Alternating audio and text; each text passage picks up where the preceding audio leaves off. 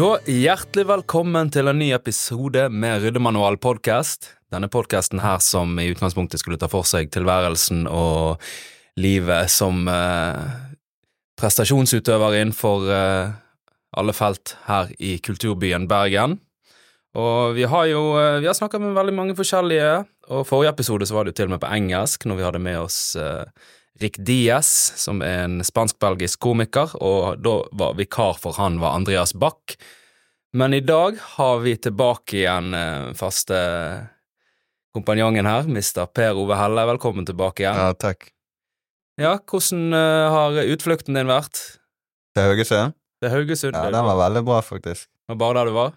Det var bare der jeg var. Ja. Men det var mange Det var rekordantall publikum for meg å gjøre engelsk standup på. Vanligvis så gjør jeg engelsk standup foran null stykker. Bort på Brian Ja. Borough foran de andre komikerne. 16 stykk. Ja. Ja. Hvorfor var det på engelsk? Uh, nei, de har jo sånne engelske standup-kvelder overalt, egentlig. Av og til, da. For det er det veldig mange engelskspråk Ja, i Haugesund som Der vi var 50 publikum, jeg tror 47 av de var norske. Ja, Ja. det er vanligvis sånn det. Ja. Ja. Men de har Den Det eneste gangen jeg har opplevd at det var en stor andel uh, ut, eh, ikke-norskspråklig publikum, det var når jeg gjorde det på Njø, borte i Oslo. Mm. Men i Der der, var, der var størstedelen faktisk eh, ikke engelskspråklige. Oi. Så da falt jo hele settet mitt igjennom, for vanligvis har jo jeg tulla med at jeg uh, står her og snakker norsk til, uh, til Nei, engelsk til norskspråklig publikum. Det føles egentlig helt merkelig. ja. ja, det var litt rart når alle var norske, egentlig. Ja. Men eh, det, gikk, det gikk veldig bra. Har du prøvd sånn her, kanskje sånn for Ukraina-flyktninger? Altså, du, sånn, Ja, du la, ha en sånn kun, for, kun for flyktninger, da. ja. Ja, jeg, men da må Pass litt på hva du spøker med. ja, da blir det mye bombing, i hvert fall. Det er mange ukrainske flyktninger ute i Alva kommune. Ja, jeg vet. Ja. Og så det er jo også der Der har du det òg Mongstad. Jeg vet at jeg kom i kontakt med en sånn arrangør, en uh, polakk, og han har sånne kvelder for uh, Russland og Ja, ikke hvem som er østeuropeiske arbeidere og sånt, og de har jo uh, visse arrangementer, så det var liksom i kontakt med han om å prøve å få til noe med de. Mm. Og så hadde jo Riks hadde jo en polsk komiker, og da var det jo stappfullt. Ja, ja. for det det- er mange eh, østeuropeere. Ja, det, det er jo litt sånn hvis Per Ove hadde vært i Tyskland, så hadde jo Ja. alle nordmennene kommet. Alle på det, kom ja. Det var, jeg, når jeg var, eh, det var ene gangen jeg var på Latter, og da var det en ru rumensk komiker som skulle ha standup på Latter på Storsalen. Og han var liksom en superstjerne i Romania. Og det var kø langt Kom det rumenere? Ja, det var, Ja, ja. jeg har aldri sett så mange rumenere i hele mitt liv. Ja. Jeg, jeg har, jeg, har faktisk, selv om jeg er økonom, så har jeg faktisk en bakgrunn fra kulturlivet, da. Eh, Ja. Fra si tidligere musiker, og da gjorde jeg òg lyd for andre. Og da var det på Kultursalen på, på Vannkanten en gang, så kom det liksom sånn Dette var sånn Indias svar på Bob Deal eller et eller annet sånt her. eh. Altså, det var, han var dritstor, det kom dritmye, jeg har aldri hørt om han, og han var supernazi på lyden, og jeg sto der var 18 år og hadde en sånn her uh, miksepult som var liksom Ja. tre, meter lang, da. Ikke visste hva jeg holdt på med. Så, men da kom det utrolig mye folk uh, som Fra, fra India. Ja, og så Ja. skulle jeg liksom stille lyd på liksom sitar og Mm. sånne mm. instrumenter. Så ikke bare, hvor er rockegitaren, liksom? Det, Ja, ja. det er det jeg var vant til å stille lyd på. Så det, det, vi kom oss gjennom det, da, men eh, jeg tror ikke det var beste lydmannen han hatt. Nei, på sitar, den kan jeg tenke meg. Jeg vet ikke hva bruker du da? Kondensator vil jo nesten bare ta opp Ja, jeg brukte alt. kondensator, Ja, ja. og så tenkte jeg sånn ja. Nå høres det bra ut. Så, men han var sånn der, ja, det, det, det hørtes liksom. Han ville ha mer. Sånn bare sånn Kom, l- listen to this, Alf. Så jeg hører liksom den, Hør på denne strengen her, av de tre millionene. Ja, ja, det, så Nei, det var, det var, det var opplevelse. Ja, for du har jo, altså sånn India og sånt, har jo du ekstremt mange eh, Det er jo en milliard som bor der, sant. Du trenger jo bare å treffe eh, Altså, en promille av uh... Ja, nå, nå er dette snart 20 år siden, da, så, Ja. så gammel begynner jeg å bli. Men, så, så jeg husker ikke om det faktisk var India, om det, eller om det var Bangladesh eller et eller annet, de andre landene der. da. Men han var i hvert fall superstor uh, der. Ja. ja. Så vi har en gjest med oss i dag òg, så vi kan ta og introdusere. Det er Alf Gunnar Andersen. Hei, tusen takk for å være her. Du er med i Økonomiamatørene. Det er vel du som er programleder der? Stemmer? Et program der eh, en av de gjestene vi hadde for to episoder siden, selveste Jan Tor Kristoffersen, En Ja. ekspert på økonomi. en ekspert på økonomi. Det er der han får sin skole. Samme måte som du får skole i sånne ting som filosofi og psykologi og, og, og diverse andre ting her. Sant? Driver sånn opplæring. Men du har jo tydeligvis gått på veldig mye forskjellig. Nå kom du jo nettopp Jeg er en allrounder. Ja. Du er en allrounder. Du har gått på BI. Jeg har gjort mye, men jeg har har gått på samme lite. skole som Alf Gunnar, du. Ja, jeg har det. Jeg har gått på Jeg har studert først studerte jeg eiendomsmegling i Sogndal Ja. i ett år. Det var kanskje på skolen. Det er ruvende eiendomsmarked i Sogndal, Ja, skjønner du. ja, ja. Og, så, og så sluttet jeg på det, og så begynte jeg på um, markedsføring på BI. Så det var jo um, en katastrofe, hele greiene. Får du nytte av det? Ja, men det var pappa som betalte, heldigvis. Ja. Det er Det var sånn, uvanlig det på BI, da. men du slår meg ikke akkurat som en pappagutt. Sånn. Nei, men det var liksom Han bare var desperat etter at jeg skulle gjøre noe. sånn. Da hadde vi prøvd det meste. Ja. Jeg føler sånn markedsføring er som fag sånn Ja, jeg vil gjøre noe. Eh, økonomi det høres litt sånn kjedelig ut, men markedsføring det er sikkert litt gøy. Men det er vel stort sett de samme fagene første året uansett. Ikke Ja, det, jeg, ja, det var sånn det, det mikro, overlapp. makroøkonomi Det er jo sånn, ja. det er sånn du bygger en business. sant? Du, ja. du, du brander det med forskjellige ting, og så er 80 av innmaten lik, og så er det en liten differensiator på toppen, slik at du kan selge flere forskjellige Ja. produkter. Ja, nei, det er akkurat sånn så sånn Det, det har du lært om du gikk på, på, på økonomilinjen. Da har du lært det. Mm. Ok, ja. ja. Jeg Hvis du hadde kommet på skolen litt, Ja. og, og var du ofte på skolen? Nei, for jeg har jo sosial angst òg. Det var jo så svært sånn her. Jeg tør jeg fikk panikkanfall jeg, når jeg gikk inn i Men tenkte du at da blir jeg standup-komiker og står på scenen alene Ja, foran det, men da bare snakker jeg bare med meg sjøl, og så går jeg igjen. du later som ikke er så går jeg igjen. Ja. Eh, ja, og du sa du nevnte jo da at musiker, det vet du, for jeg husker bandet ditt Inconfesso. Oi! Eh, ja, ja. Gøy. Ja. For eh, jeg har spilt sjøl, og det er jo eh, Det er vel rundt denne gjengen med de tvillingene, ikke det? Jan Åge og ja, jeg spilte aldri med de, men eh, eh, han Daniel som var, var vokalisten i Inconfesso, han spiller jo eh, Ja, med de. Big Horn Butter Big Horn Butter Boys, ja.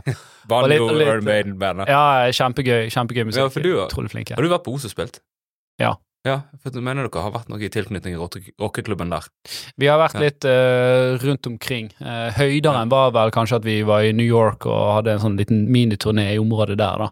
Ja. Uh, men ja, ellers så Som alle store rockeband så ga vi oss selvfølgelig akkurat før vi skulle slå igjennom. ja på topp. Ja. Ja, ja. Det var like før dere sa nei til eh, dere, dere valgte det.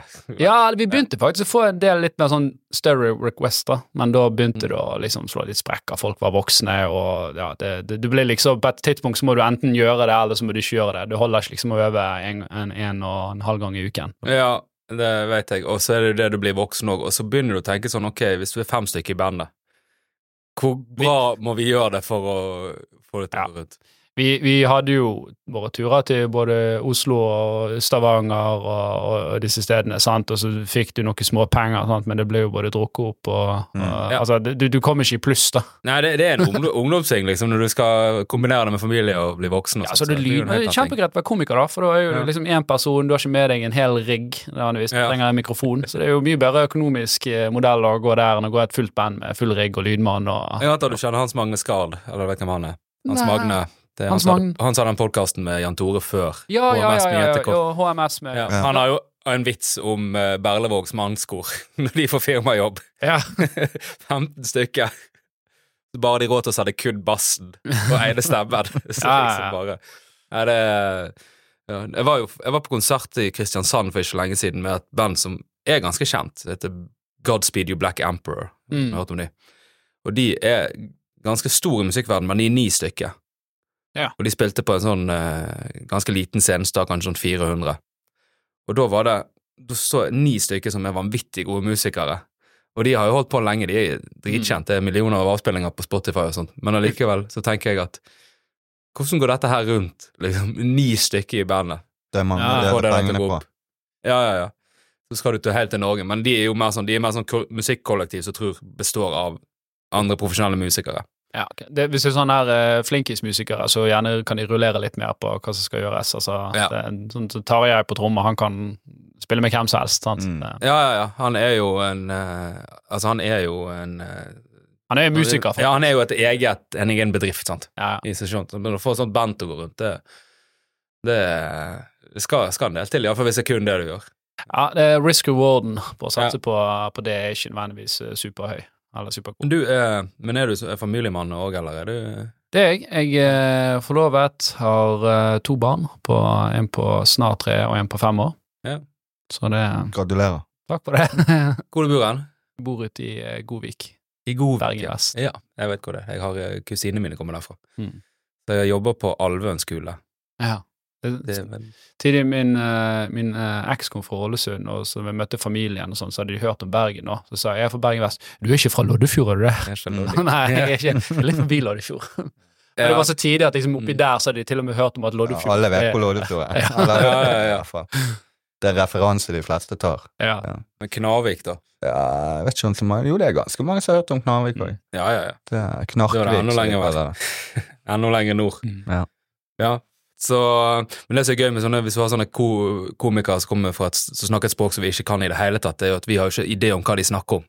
Mm. Så hvis vi booker de på Ole Bull, så, står, så er det bare galskap som kommer ut av munnen deres uten at vi har kontroll på det. Mm. Men det er jo Hvis publikum ikke forstår det, eller vi, vi som er norske ikke forstår det, så er det samme for oss. Men det hadde vært, eh, hadde vært gøy å komme inn på det markedet. Det er veldig mange engelskspråklige. Men jeg vet ikke, jeg var i Kopervik nå eh, forrige helg, og det var Det var litt av et sted, altså. Det er sånn eh, Det er Karmøys Loddefjord, ikke Ja, det, kan, det er det der eh, Det var det jeg tenkte, for du de, de er jo kjent for denne dokumentaren om Birgitte Tengs. Ja, Og der var det jo mye, ja. mye fokus på at de hadde vært så dårlige til å sirkle inn de moduskandidatene.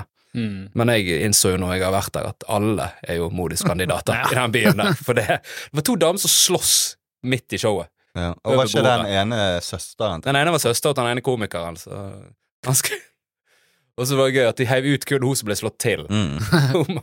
Ja, men hun hadde jo tapt. Så. Ja, ja, hun hadde Det, hun, det, hun var det ikke verdt det. det var sånn gateregler i Kopervik. Ja, ja, det er sånne uh, saloon-regler, liksom. Hvis han har slått ut den andre, så er det han. Ja, ja, Så, det det var jo, Arrangøren spurte jo uh, vakten om- om han ikke skulle hive ut han, og han bare uh, Vi hiver ikke ut hun der, da.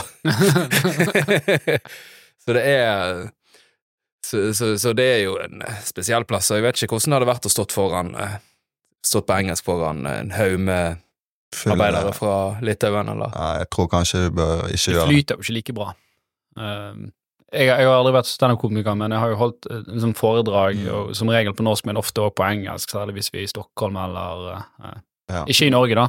Eh, Og det er jo vanskeligere å jamme i samme Mm. forstand som du kan liksom på morsmålet ditt. Da. Ja, det tar Ja, lang, lang tid å lære, tror jeg. Du må gjøre masse, masse engelsk standup hvis du skal bli skikkelig, skikkelig Ja, du må, ja, du må, du må, må, må Men du ja. vil jo miste litt når du blir for god i engelsk, for veldig Ja. av acten din er jo på en Ja, måte ja. den måten du snakker engelsk på. Han er, eh, er ikke det en sånn norsk komiker i New York som gjør det ekstremt bra? Daniel eh, Daniel Simonsen. Simonsen. Ja, fordi at han er klein og norsk og liksom litt sånn dårlig engelsk og Ja. har litt sånn skjelvende introvert eh, Ja, Ja, han Det er er, liksom antitesen til alt komikeren, og det er det som gjør han så morsom. Han er liksom ja. skikkelig er ikke en betamel engang, eller om du skal kalle han liksom omegamann. Han ser ut som han holder på å bæsje på seg sjøl når han står der. Ja, Ja, ja. og så er han eh, Han snakker engelsk. Han er sikkert greit i engelsk, men han gjør jo alt for å ikke ha Han legger til litt. ja, nei, Han legger ikke til. Han, han snakker uh, talk burr English like it's bergensk. ja. Ja, Så han høres nesten ut mer bergensk ut på engelsk enn det han gjør på, Mm. på norsk, for det er sånn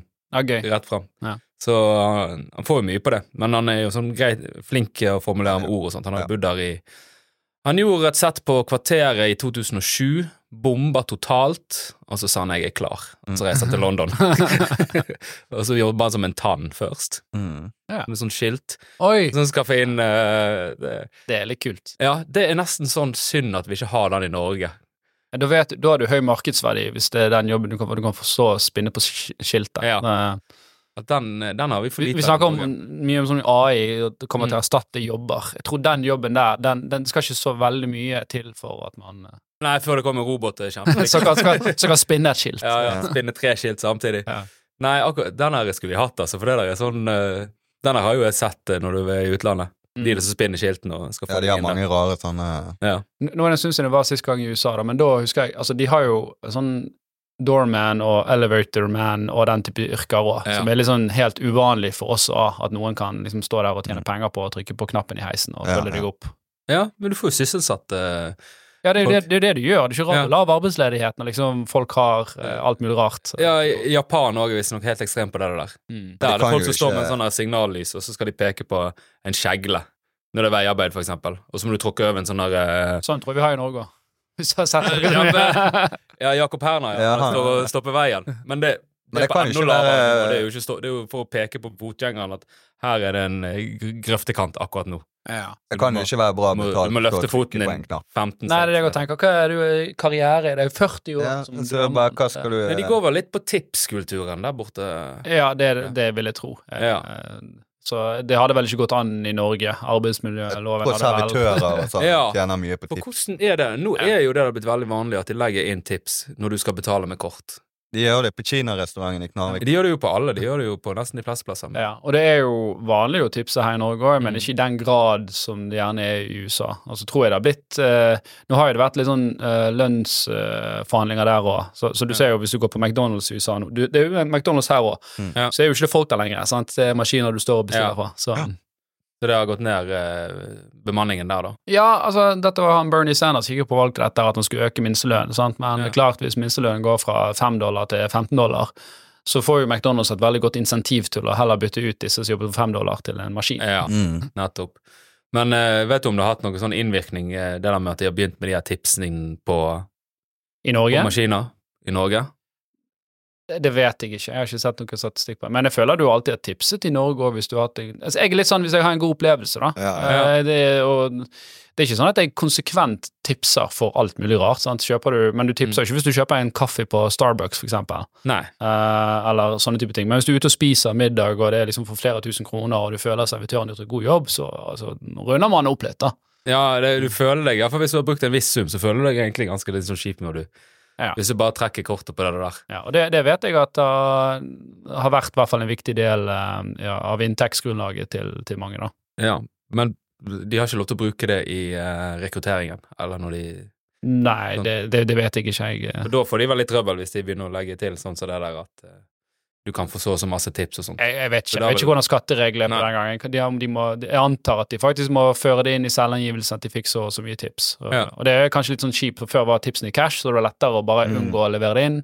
Nå kommer det inn via butikkens Ja, system, så når, så når de betaler ut, og så må jo de føre det som dette er lønnsinntekt. Uh, Ja.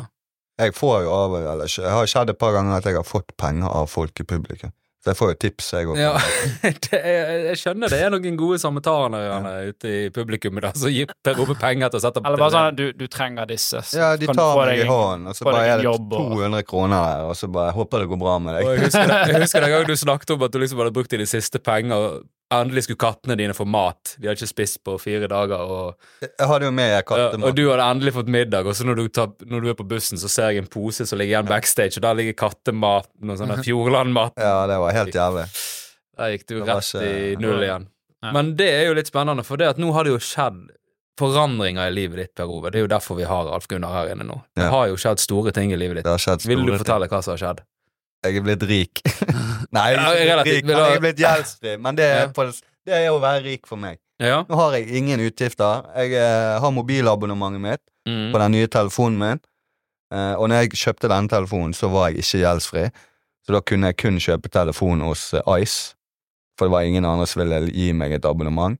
Det var den eneste. Så jeg prøvde sånn ti forskjellige Du, du hadde betalingsanmerkninger i tillegg, da. Nei, det, nei jeg tror ikke det. Altså. Du var jo ikke kredittverdig, så Nei, det var jeg sikkert ikke. Men, eh, hvis men, du nå, fikk deg de andre. men nå er alt vekke. Nå fikk Ja. jeg til meg eh, fikk brev fra, fra politiet der det sto at uh, alt er over. Hilsen namsmannen. Å oh, ja, du har hatt en, sånn en, en, en sånn ordning, ja. Ja, nei, det skulle bli sånn. Det har jo vært skjedd flere ganger, da. Så Ja. det er liksom Men nå har jeg ingen gjeld. Sto det på gjensyn? Det sto et eller annet. Det var, ja, det var, Det er over, det var gøy hvis det jeg har snakket med han på telefon mange ganger. Ja, Vi er på fornavn. ja jeg antar det. Så, eh, nei, så jeg har også betalt ned bilen min. Mm. Eh, forbrukslånet er vekke. Kredittkortet hadde jeg betalt ned fra før av, da. Mm. Det betalte jeg ned i fjor. Eh, Men det har jo liksom vært eh, Det blir jo mye eh, å betale hver måned. Det blir jo betalt til 4000 på forbrukslån, 2000 kredittkort, billån på 2500. Uh, og så er det jo Og så er jeg så jævlig lat, sant? så når jeg parkerer borti uh, på uh, Hva heter det? Klostergarasjen. Ja. Så gidder jeg aldri å Eller jeg har aldri hatt muligheten til å betale. Så det var veldig greit at Du har ikke oppretta sånn Sesam? Sesam. Nei, nei, så jeg har bare kjørt inn, og så kjører jeg ut igjen, og så går jeg til inkasso, og så samler det seg opp. Så altså, én parkering for meg i klosteret kunne være 500-600 kroner det, på en dag. Ja. Sant? Så det er mange, mange tusen. Men nå har jeg begynt å Mm. betale hver gang jeg går derifra. Da. Mm. ja, har du opprettet en vi kan, Jeg tror vi må Nei, Jeg vet ikke hvor vi skal begynne. Det er litt som hadde, vært sånn, eh, hadde Hallgeir vært der, da, så han sagt at det blir økonomisk sjøsyk av å høre på dette her. Ja. Og så har jeg jo alltid tenkt at faen, luksusfelle, det blir kanskje en mulighet, men Ja. eh, nå får jeg sikkert ikke være med allikevel. Du hadde Men hvordan, du, du, hvordan ble du plutselig gjeldsfri, da? Nei, jeg har jo jobbet hardt for den arven jeg har fått. Så jeg håper flere i familien Så dør. det, Ok, så det var, peng, liksom... det var liksom- penger som falt ned fra Ja, det himmelen, gjorde det. liksom. Men jeg har jo liksom prøvd å jobbe meg eh, betalt ned hver måned. Men det har vært så mye at eh, det har bare det, ut gått, det hadde gått eh, mange, mange år til før jeg hadde klart å Men kan, kan jeg spørre, hvorfor har du, du tatt forbrukslån og brukt så mye kredittkort? Nei, man skal jo leve, da. ja.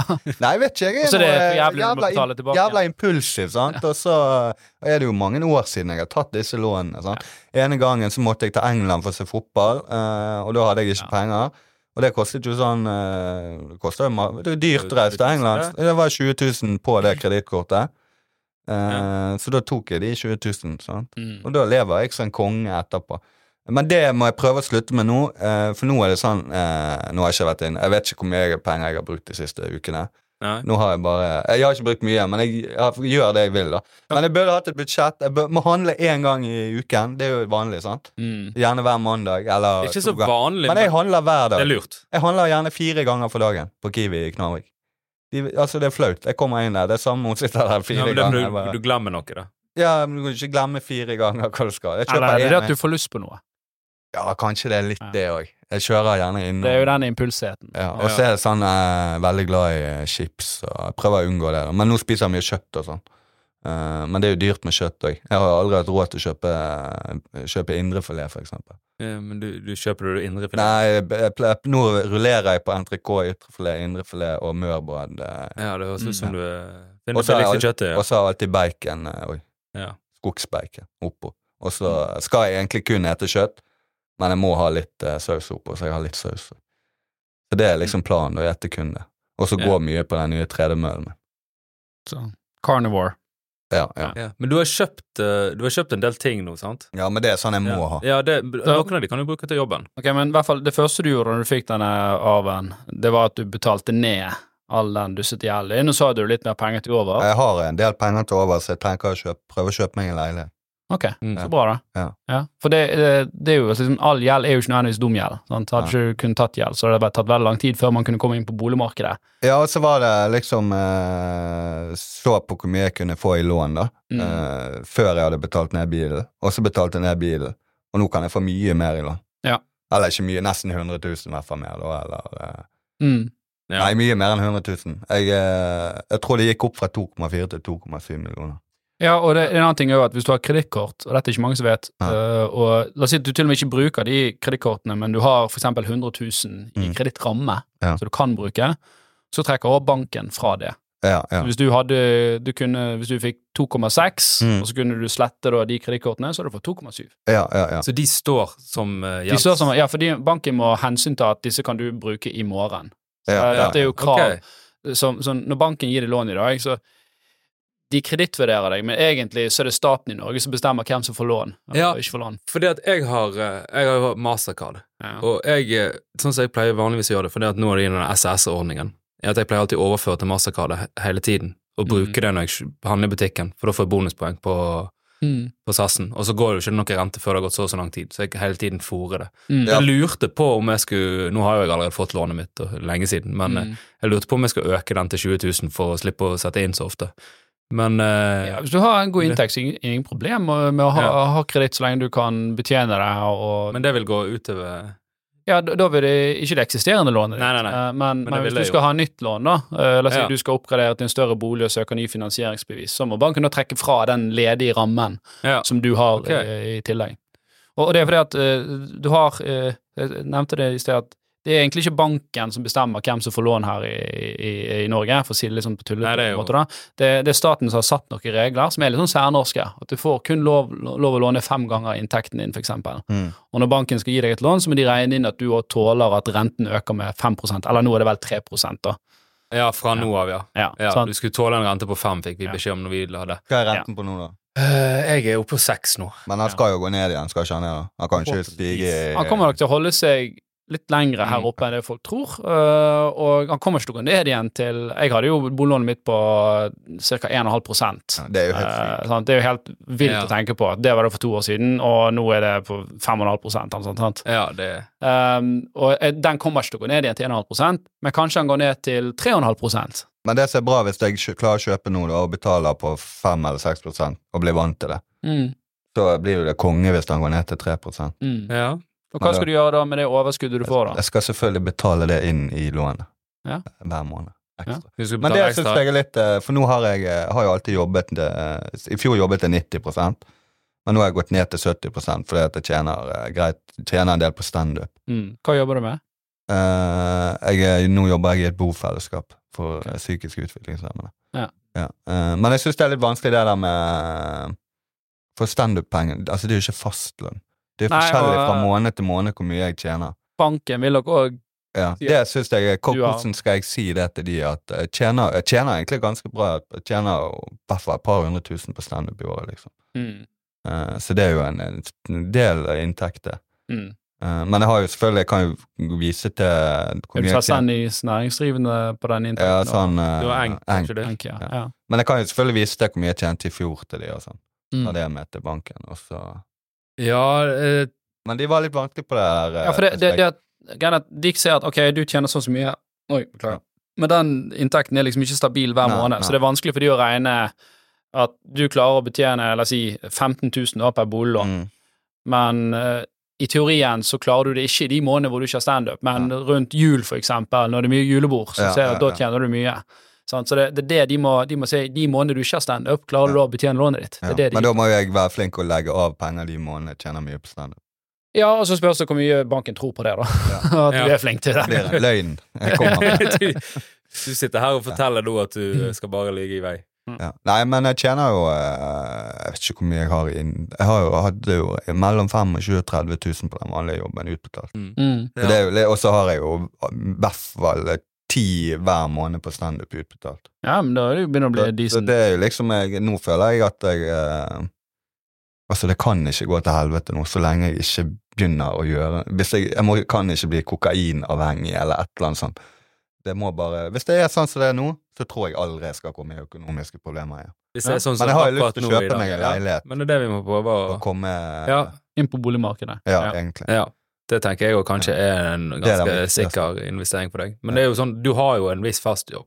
Jeg tror Ja. det er nesten lettere for deg hvis du har en fast inntekt. Ja. For jeg hadde jo òg fast inntekt, så standup-pengene mine Mm, de legger, la de bare oppå som en enkeltsum. Mm. Årlig. Bam, oppå.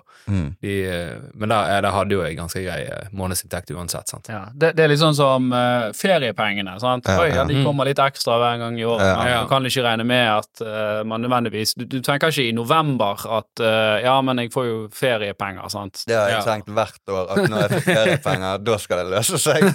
da skal jeg betale ned. Det hadde jo ikke holdt å få betalt ned, men da får jeg pusterommet til neste år igjen. Sånn har jeg levd hvert år. Det Ja, har vært helt jævlig. Helt grusomt. Men det er jo nesten spennende å se. Det er jo nesten som en sånn personlighetstrekk, det der med om evnen til å tenke økonomi. Fordi at jeg merker når jeg sitter med det med selvangivelsen, så er det jo, det er jo bare pluss og minus. Det er jo ikke avansert matte, egentlig, men du føler jo nesten som at Det spør, spørs om du kommer inn på du har bolig, og så skal du ha formuesskatt, og så skal du ha liksom ja, verdien av boligen, det er ikke markedsprisen, sant. Så, så, men ja, i, i prinsippet så er det jo, eh, er det, jo det, da. Ja. Um, og så er det jo den skatteberegningen, sant. Den er jo ikke alltid klok, å klok å se på den nå, for du får liksom ja, sånn mye til stat, så og så mye til kommune, så og så mye liksom her, og ja. ja, Så det, det Men ja. Ja, Jeg har ikke trodd altså For min del er det sånn at eh, så lenge jeg, jeg får igjen, eller noe sånt, eller ender uten restskatt, så, så trykker jeg bare ja, nesten. ja men der, der skal Skatteetaten skal ha kred for det at de har gjort eh, denne opplevelsen med å gjøre dette på nett nå uh, veldig mye mer intuitiv enn det han var før. Men, Ja. Før, var jo det et helvete, og det var bare poster, og du visste ikke liksom hva er post 3, 2, 4, Nei, nei. for eksempel. Ja, Nå er det jo sånn her eh, med bilder, sant. Mm. Ja, det er bolig. Ja, det, det, ja jeg har Ja, sånn ja. hus, og så fører du inn, liksom, og så, og så gjør, gjøres beregningene for ja, jeg husker når vi var små, da var det liksom mamma bare nå, dere leker ute, pappa fyller ut selvangivelsen. Bli traumatisert når han satt og.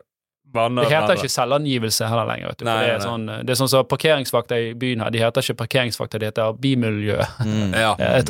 Ja, ja. Alt skal bare snillifiseres i Ja, ja, ja. ordene. Erfaringskonsulenten her. Ja. Men eh, jeg, det var én ting. Det var en som sa til meg at eh, når jeg betalte ned Det var eh, Adrian Andersen. Han sa du må Ja, det er en her. Eh, han sa du må gå inn på Statens innkrevingssentral og se at det ikke er noe der. Ja. Og så gjorde jeg det, og så var det ingenting der. Så bra, da. Så det må jo være positivt. Det var nok det brevet du fikk av uh, namsmannen eller politiet. Ja. Ja, der det lå. peiling. Har det, har gått ganske langt når du har namsmann. Ja, det har rullet. Den ballen har rullet Ja. det ganske langt, altså. Ja, for nå eh, leier du eh, Er det en hytte, eller? Nei, det er ikke en hytte, det er et hus. Ja, Men det er langt ut. på Radøy. Ja, det er basically på Radøy. Ja. Det er mot Radøy, ja. Ja, det er mot Radøy, ok. Det er ikke helt ute, det er i Alversund. Ja, det er forbi Alversund, ja. altså Hillandsfeltet. Ja, men er du over brua? Jeg er overboende. Da er du på Radøy? Radøy. det er på Radøy. Ja, dette var veldig, Ja. veldig lag resonnement for å komme jeg er fast ikke, jeg er ikke kravstor. Jeg trenger bare en, Ja. eh, le- le- en leilighet. Så, jeg, så lenge jeg har en fin stue Jeg kan, må Ja. ha åpen kjøkken og stue, og et soverom og et bad. Så er jeg egentlig fornøyd. Men jeg tror òg det er ganske smart å komme seg av, eh, av leiemarkedet. Ja, ja. Altså, bolig, bolig er på en måte en slags tvungen sparing, sant. Ja, ja. Eh, eh, det aspektet er jo veldig bra av det. Eh, det er litt sånn å betale litt mer inn på skatten sin for å få tilbake. Det er mye lettere å håndtere enn å Mm. betale litt for lite, og så plutselig får du 30 000 i restskatt. sant. ja, det har jeg gjort òg. Men samtidig så er det òg at nå har boligprisen steget enormt mye de siste årene, de siste 20 årene, og det er jo et par faktorer der. Det ene er jo først så hadde du på en måte at renten sank betraktelig etter eh, eh, finanskrisen, mm. og da fikk folk med å rutte med. Og så hadde du da hele foreldregenerasjonen som da hadde plutselig boliger som hadde veldig høy verdi, Ja. og de kunne gå inn og subsidiere liksom neste generasjon på boligmarkedet. Ja. Nå er det liksom vanskelig å se hva er det som skal være driverne til at boligprisene skal stige eh, så mye i framtiden. Så man kan liksom ikke si at ja, på grunn av at de i snitt har steget 10-15% i året, så kommer de til å gjøre det videre. Ja, for det er jo Nei. litt tøffere tider enn nå. Det er Kan det. jo ikke bare stige ja. stige det her. Og Det- grafen vil vel på en måte ikke påvirke like stor grad som det der. Nei, sant? Så, men det som er fordelen med bolig, er at du får jo en inflasjonsbeskyttelse i det. Sant? Ja. Og inflasjon er jo noe som plutselig folk måtte lære seg om det siste, siste halvannet året. Og har du pengene i bolig, og inflasjon stiger, så skal jo i teorien prisen på boligen din stige òg, da. Så sånn sett er det fortsatt et ganske bra objekt å, å, å, å eie, Ja. kontra en, en, en bil, sant? som egentlig bare er en forbruksvare Ja, som faller faller eh, over tid. sant? Ja. Ja. Så, men hva er det du har av Har du noen kredittkort nå, som han sa at eh, hvis det Jeg? Med kredittramme? Jeg har ingenting. Du- Men har du sletta bare summen på det, eller? Ja, men har du sletta summen på det òg, eller har har du alt. Har sagt klippet, opp eh, selve kredittkortet? Så du har ikke den Nei, nei, nei, kredittrammen Nei, alt er heller? vekke. Ok. Så det er jeg veldig stolt over at jeg har fått det. Men du sa du hadde Ok, du skal inn på, på boligmarkedet. Jeg tenker å prøve nå til våren, altså. Mm. Og så er det jo da at ok, rentene stiger, så sier du at du skal betale mer ned på, på boliglånet ditt. Men hvis renten kommer ned til 2-3% altså relativt lavt, hva vil du gjøre da? Nei, det går gjerne å prøve å Det er jo lurt, sikkert lurt å ha en sånn bufferkonto òg. Til hat hvis det skjer noe. Hvis bilen ryker eller en vaskemaskin ryker og sånn. Det har jeg hørt òg er lurt. Ja. Og det har jeg aldri hatt heller. Ja. Jeg gikk jo faen Jeg gikk jo et år uten vaskemaskiner. Måtte smugle inn uh, klesvasken min i bofellesskapet. Der som du jobber? Ja, ja, jeg bare, hvis du ikke sier Og så sa jeg, sa jeg til han ene som bor der, at uh, hvis du ikke sier noe, så får du en is. så til, neste gang så var jeg bare Ja, jeg skal ha to is. Har ikke, du, litt- har ikke du litt sånn ansvar for eh, ernæringen til de uh, brukerne òg, du? Jeg har eh. Jeg er mentor for de, ja. Ja. De ser på meg som en stjerne. Han fikk det til. ja. Jeg har ikke sett noen av de på sånn rein kjøtt. Ja, eh, men du snakket jo om investeringer òg. ja. Er det noe du har vurdert? ja, jeg har jo eh, Jeg har sånn Eterium, Ethereum, er det heter? Krypto. Men det er ikke mye jeg har der, da. Det, det er bare et par tusen. Men jeg har glemt konten. Det er mange år siden jeg kjøpte. Ja. Så jeg har ikke vært inne og sjekket. Det kan hende at det kanskje er steget til sånn 7000 nå. Jeg har ikke peiling. Mm. Men uh, mitt uh, nummer én mål nå er bare å få meg en leilighet. Mm. Alt det andre nå, Hva tenker du, da? Nei, uh, der de vil ha meg. Eller der jeg får. Nei, jeg har jo tenkt i Knarvik, da, siden Ja. jeg jobber der. Ja. Eh, men så har jo jeg en drøm om å flytte til Oslo om noen år. Men da går det kanskje an å leie ut den leiligheten i Knarvik, og så leie i eh, Oslo. ja, omtrent denne sizen her. Ja, For det, jeg får, jeg har ikke sjanse til å kjøpe noe i Oslo. Liksom. Da må jeg til Ja, Lillestrøm er eller. Lørenskog eller Mm. Ja. Men hva tenker du om Knarvik som eh, Jeg, jeg er ikke eiendomsmegler eller ekspert på markedet, men jeg, Knarvik er vel en såpass stor sentralisering av mennesker at Ja, det blir bare større og større. De bygger mer og mer. eh, Nå begynner de å bygge sånne blokker og sånn. Det har jeg aldri vært i Knarvik før. ja, Der også Sotra og Straume og sånt. da, Så det, Ja. Og så er det så nær, det er en urbanisering der, da. Så. så nært Bergen òg. Det Ja, det er nært Bergen. Men nå er det nesten bare Knarvik som har en sånn skikkelig flaskehalsvei. Ja, ja, det... Vi har hytte der ute når vi Ja. er ute på, ut på Lind, Lund. de har jo venta på den her Nordlandstunnelen i 30 år. Ja. Den skulle de bygge samtidig med broen. ja, det der når vi eh, Vi kjøpte jo på Os i 2009, Mm. og i 2010, når de vedtok eh, vedtok veien, altså når det kom inn i den der eh, eh, planen Ja, byggeplanen. Ja. Da steg boligen min eh, med dobbelt Oi. over natten. Jeg han er en relativt billig bolig, da. altså, det var et gammelt hus til 1,6, jeg solgte det for 3,5. Ja. Så det gikk sånn. Faen, du er jo rik, du. Du har mye penger, du. Jeg har uh, mye Halvannen mill. i oppgang på noen underskrifter her. Ja, I vedtak. Jeg har noen jeg har noe passiver, ja, men jeg har jo Jeg heiv det jo inn i det nye huset. Mm. Ja. Men det, det der er jo òg liksom Hvis man jobber med, med, med utvikling av boliger, eller ser på boliger, så er jo det greit å orientere seg litt om hva er det som skjer her i framtiden. Ja. Og det kan jo gå andre veien òg. Det kan jo vel bli ekspropriering. Sant? Altså De som bodde ved Bybanen, for eksempel. At mm. uh, det her har det vært stille og rolig, nå får du en bybane som skal dure gjennom her. sant? Um, Ja. Men uh, ja, nå er det jo mye ute på Sotra, så det, det er nok noe som stiger i pris der når tunnelen begynner å nærme seg. Ja, jeg tror. Og jeg tror Knarvik òg er en sånn plass der uh, det er såpass nært Bergen at hvis det kommer en skikkelig Hvis de får orden på denne veien ut der, Da er det 20 da tror jeg det blir en sånn der uh, Ja. Det kan fort skje det samme der som skjedde på Os. Du får en sånn bom der. Ja. Men hva er det, hvorfor drar du ut til Knarvik? Altså, hva er motivasjonen? Nei, jeg tenker på de som bor på Knarvik, dra inn. ja. Vi har jo fått folk eh, som bosetter seg fra Bergen. Ja, men det er en Altså, del som er blitt flytter mer fra sånn, Bergen eh, til Knarvik. Nå er det bare 20 minutter fra du kjører fra Bergen sentrum til du kjører ut av tunnel på andre sida. Okay. Så det er jo blitt litt sånn type eh, Å- Åsane. nesten. Mm. Ja, det, det, går fort å kjøre Ja. ut der nå. Jeg får sjokk hver gang jeg eh, Første gang jeg visste at det var tunnel der, da har ikke jeg fått med meg at det er en tunnel, så jeg kjørte den gamle veien. Du kjørte over Valleien, Det ja. ja. Der det er det jo tomt. Ingen som vet hva som skjer på jeg Søstland. skjønte De er. Det var helt, var helt mørkt. Det var bare jeg som var der. Der, er det- ja, kanskje det har gått motsatt vei med med eiendomsprisene der. Søftland, er jo blitt helt sånn rolig, da. Mm. Jeg var gjennom der på sykkeltur, det var helt sånn tranquilize. Og der er du vant med den vanvittige tungtrafikken på den lille veien der. Mm.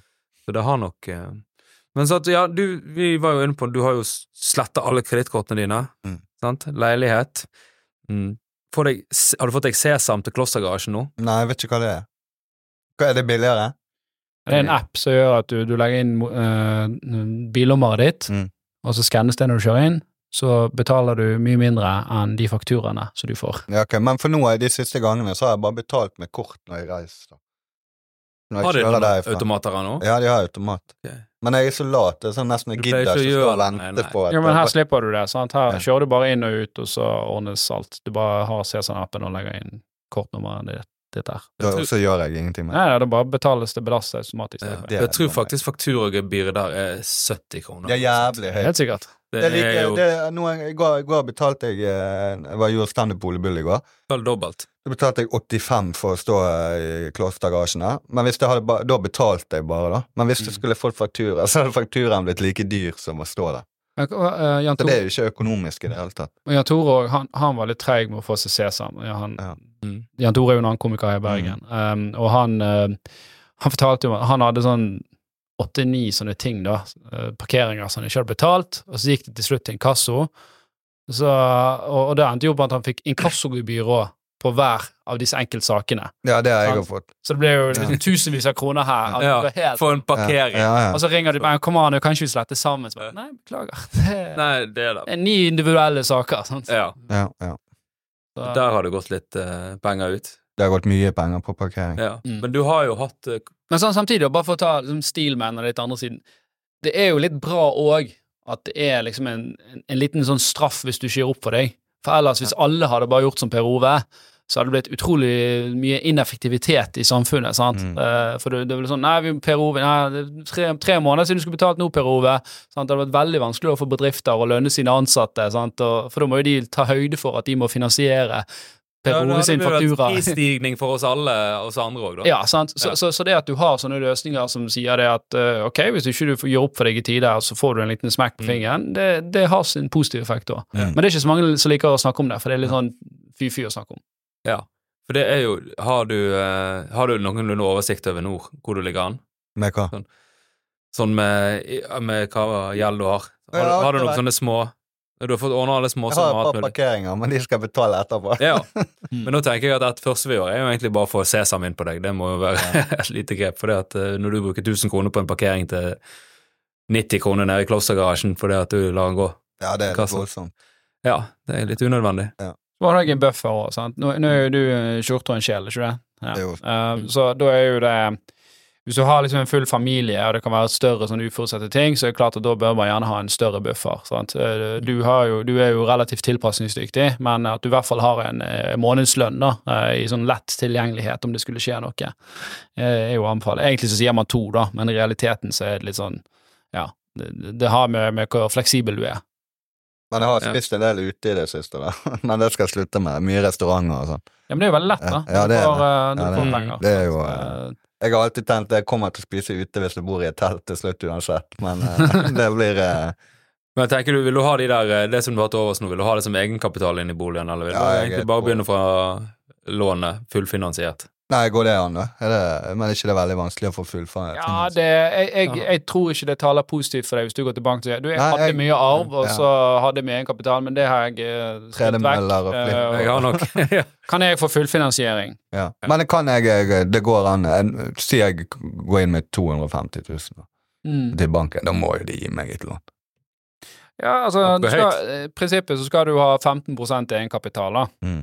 Sant? Uh, så hvis du, hvis du ikke har det, så, så må jo banken gå opp en sånn kvote. De har en sånn fleksikvote på 10% av lånebeløpet, så, eller 10% av deres låneportefølje hver måned kan de Mm. Hver måned?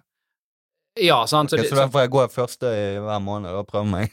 Ja, jeg er litt usikker på hvor de beregner det, da, men, men i sånn snitt så det er vel det de, de styrer etter. Og så Ja. Det kan godt være at de, det, det regnes på årsbasis når de rapporterer til tilsynet, uh, men uh, for, for det er noen sånne eh, si i slutten av kvartalet, da, kan være lurt eh, kanskje å spørre hvis det- For da kan det være at de har litt sånn ekstra kvote. Ja, ja, ja, til året, over. ut. Ja.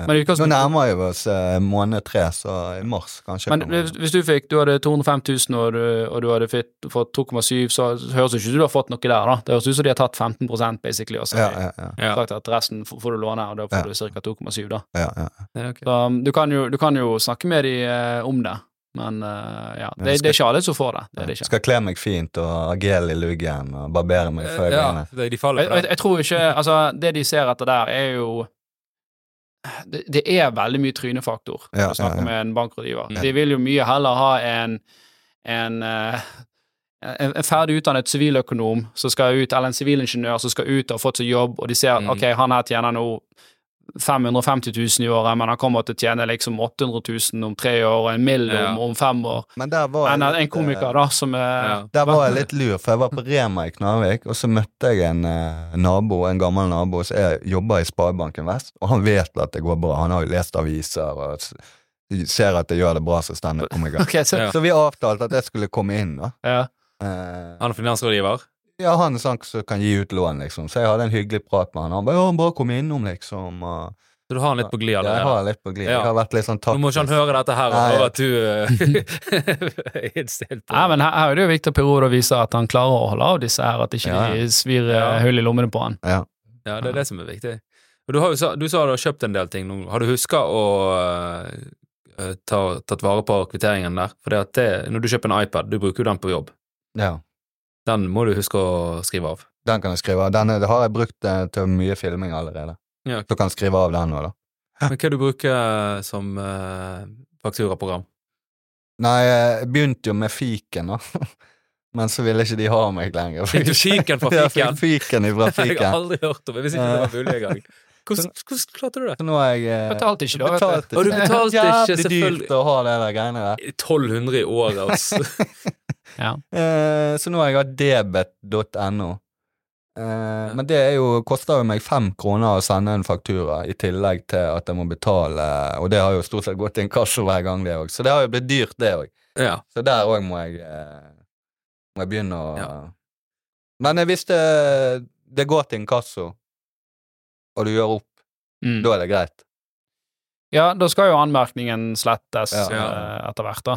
Eh, men men det, på det, jeg hadde faktisk et spørsmål fra en, eh, fra en eller annen bruker, eller vi fikk det på sosiale medier i hvert fall, da. Um, Og så sa han det, for dette var en Klarna-sak. Ja, men jeg har betalt ned alt, jeg får fortsatt ikke Klarna. Mm. Eh, Ja, det er ikke sikkert du har betalingsanmerkning lenger, som kommer opp på kredittsjekken din, Nei. men Klarna vet jo, at, vet jo fortsatt hvem du var. Ja. Så har du misligholdt hos en aktør, altså la oss si at du har hatt et kredittkort eller et forbrukslån et sted, Ja. og du ikke betalte det i tide, så er det nok sannsynlig at du får nei av de neste gang. For de bare sånn Per Ove, det var, det var på håret Ja, at vi fikk inn de pengene. For jeg eh, har brukt Klarna når jeg ikke har hatt penger til å kjøpe snus på internett. Du kjøpt Mm.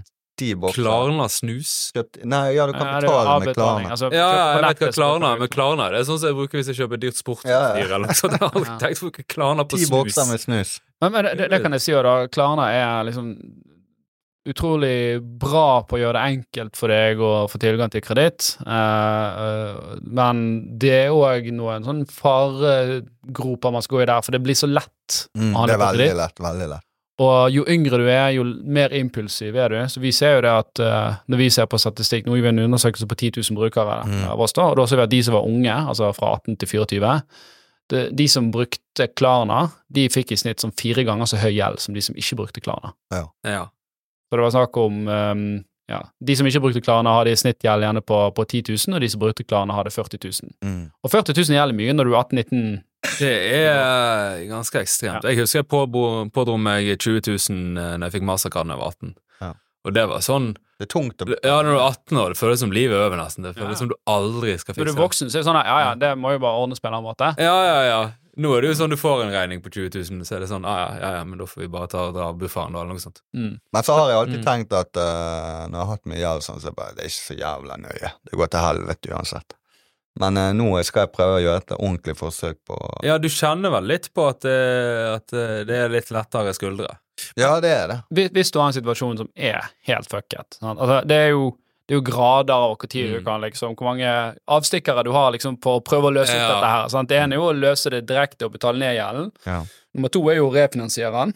Få samlet den og kanskje få litt lavere månedskostnader. Lettere å håndtere den. Mm.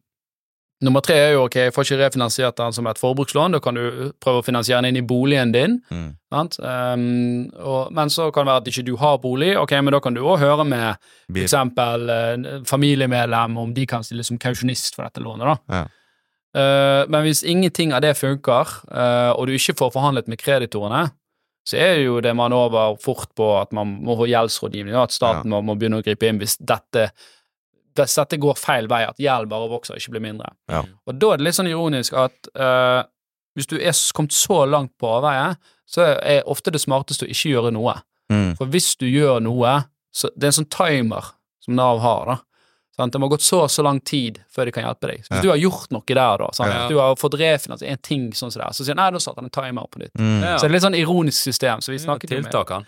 Ja, det, det, det er sånn, så vi snakket med en som var sånn gjeldsrådgiver, og sa at eh, de bare sier til deg du ikke gjør noe, bare vent to år, og så Ja. får du en gjeldsordning. Ja. Når du får en gjeldsordning da, så går jo da staten inn og så tar over liksom kravene og, Ja. og ordner opp der, og jeg vet ikke om de forhandler eller om de betaler ned, eller hva som skjer. Jeg, Eh, jeg antar at det er noe hissige tap for, eh, for, for de som er kreditorer.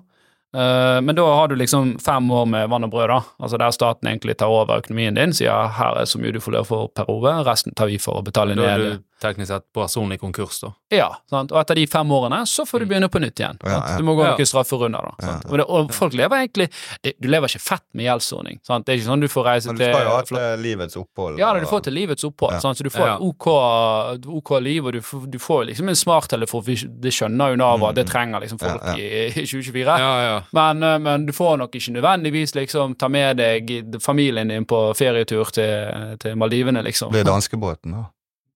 Ja, det, kan godt være du får, får sånne ting, da. Ja, ja. Kanskje du får, hvis du søker, du får sånn her eh, DNT-tur en gang i året. Og så har jeg alltid vært eh, fått, Hvis jeg er luksusfelle har vært på det, så har jeg fått vondt inni meg. Jeg bare klarer ikke å se på det. For Mm. det er traumatisk, liksom. Bare de har mye gjeld, jeg har mye gjeld. Men nå tenker jeg å begynne å binche luksusfeller og bare le av alle disse.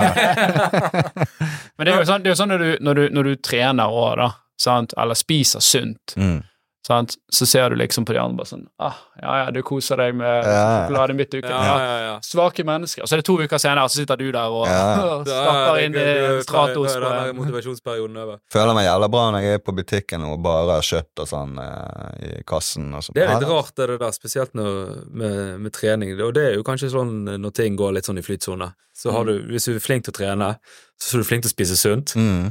Og så hvis du slutter å trene, Det er en så dette er den Ja, ja, sunnhetsspisingen går, over. Så da får du liksom dobbel wham i motsatt Det henger jo i lag. Det er veldig rart. Og så er det litt sånn òg at um, ja, men om en måned nå så skal jeg det greiene der, og da vet jeg blir en guttetur, det blir, helt- der blir det drikking og sånn. Ja. og sånn. Så det, det er ikke vits å trene så mye og spise så sunt uh, fram til det, for da går det til helvete uansett. Ja, Ta det etter det.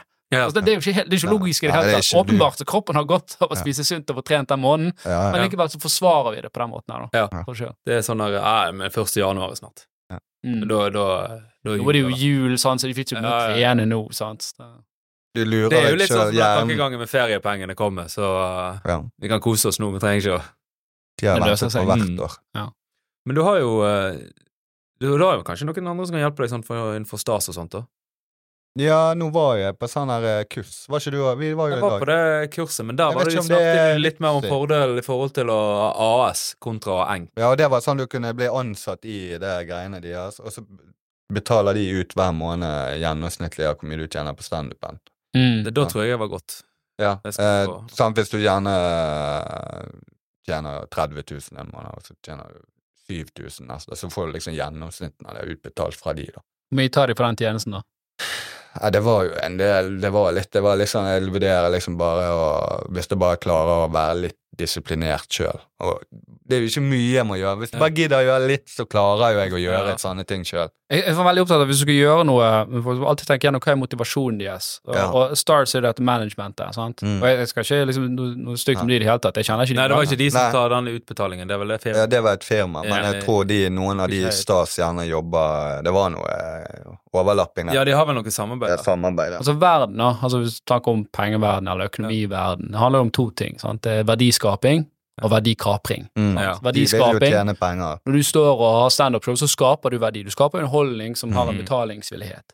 Og så har du alle disse rundt deg, sant? inkludert deg sjøl, som prøver å kapre den verdien som er skapt. ja. sant? Og så sier du 'jeg vil ha mest vil gjøre den', men så er det et management som vil ha noen, og så kan jo noen andre komme og si 'jeg kan selge noen tjenester som gjør livet ditt lettere', sant? og da prøver de å ta en del av den verdiskapingen som du har tatt.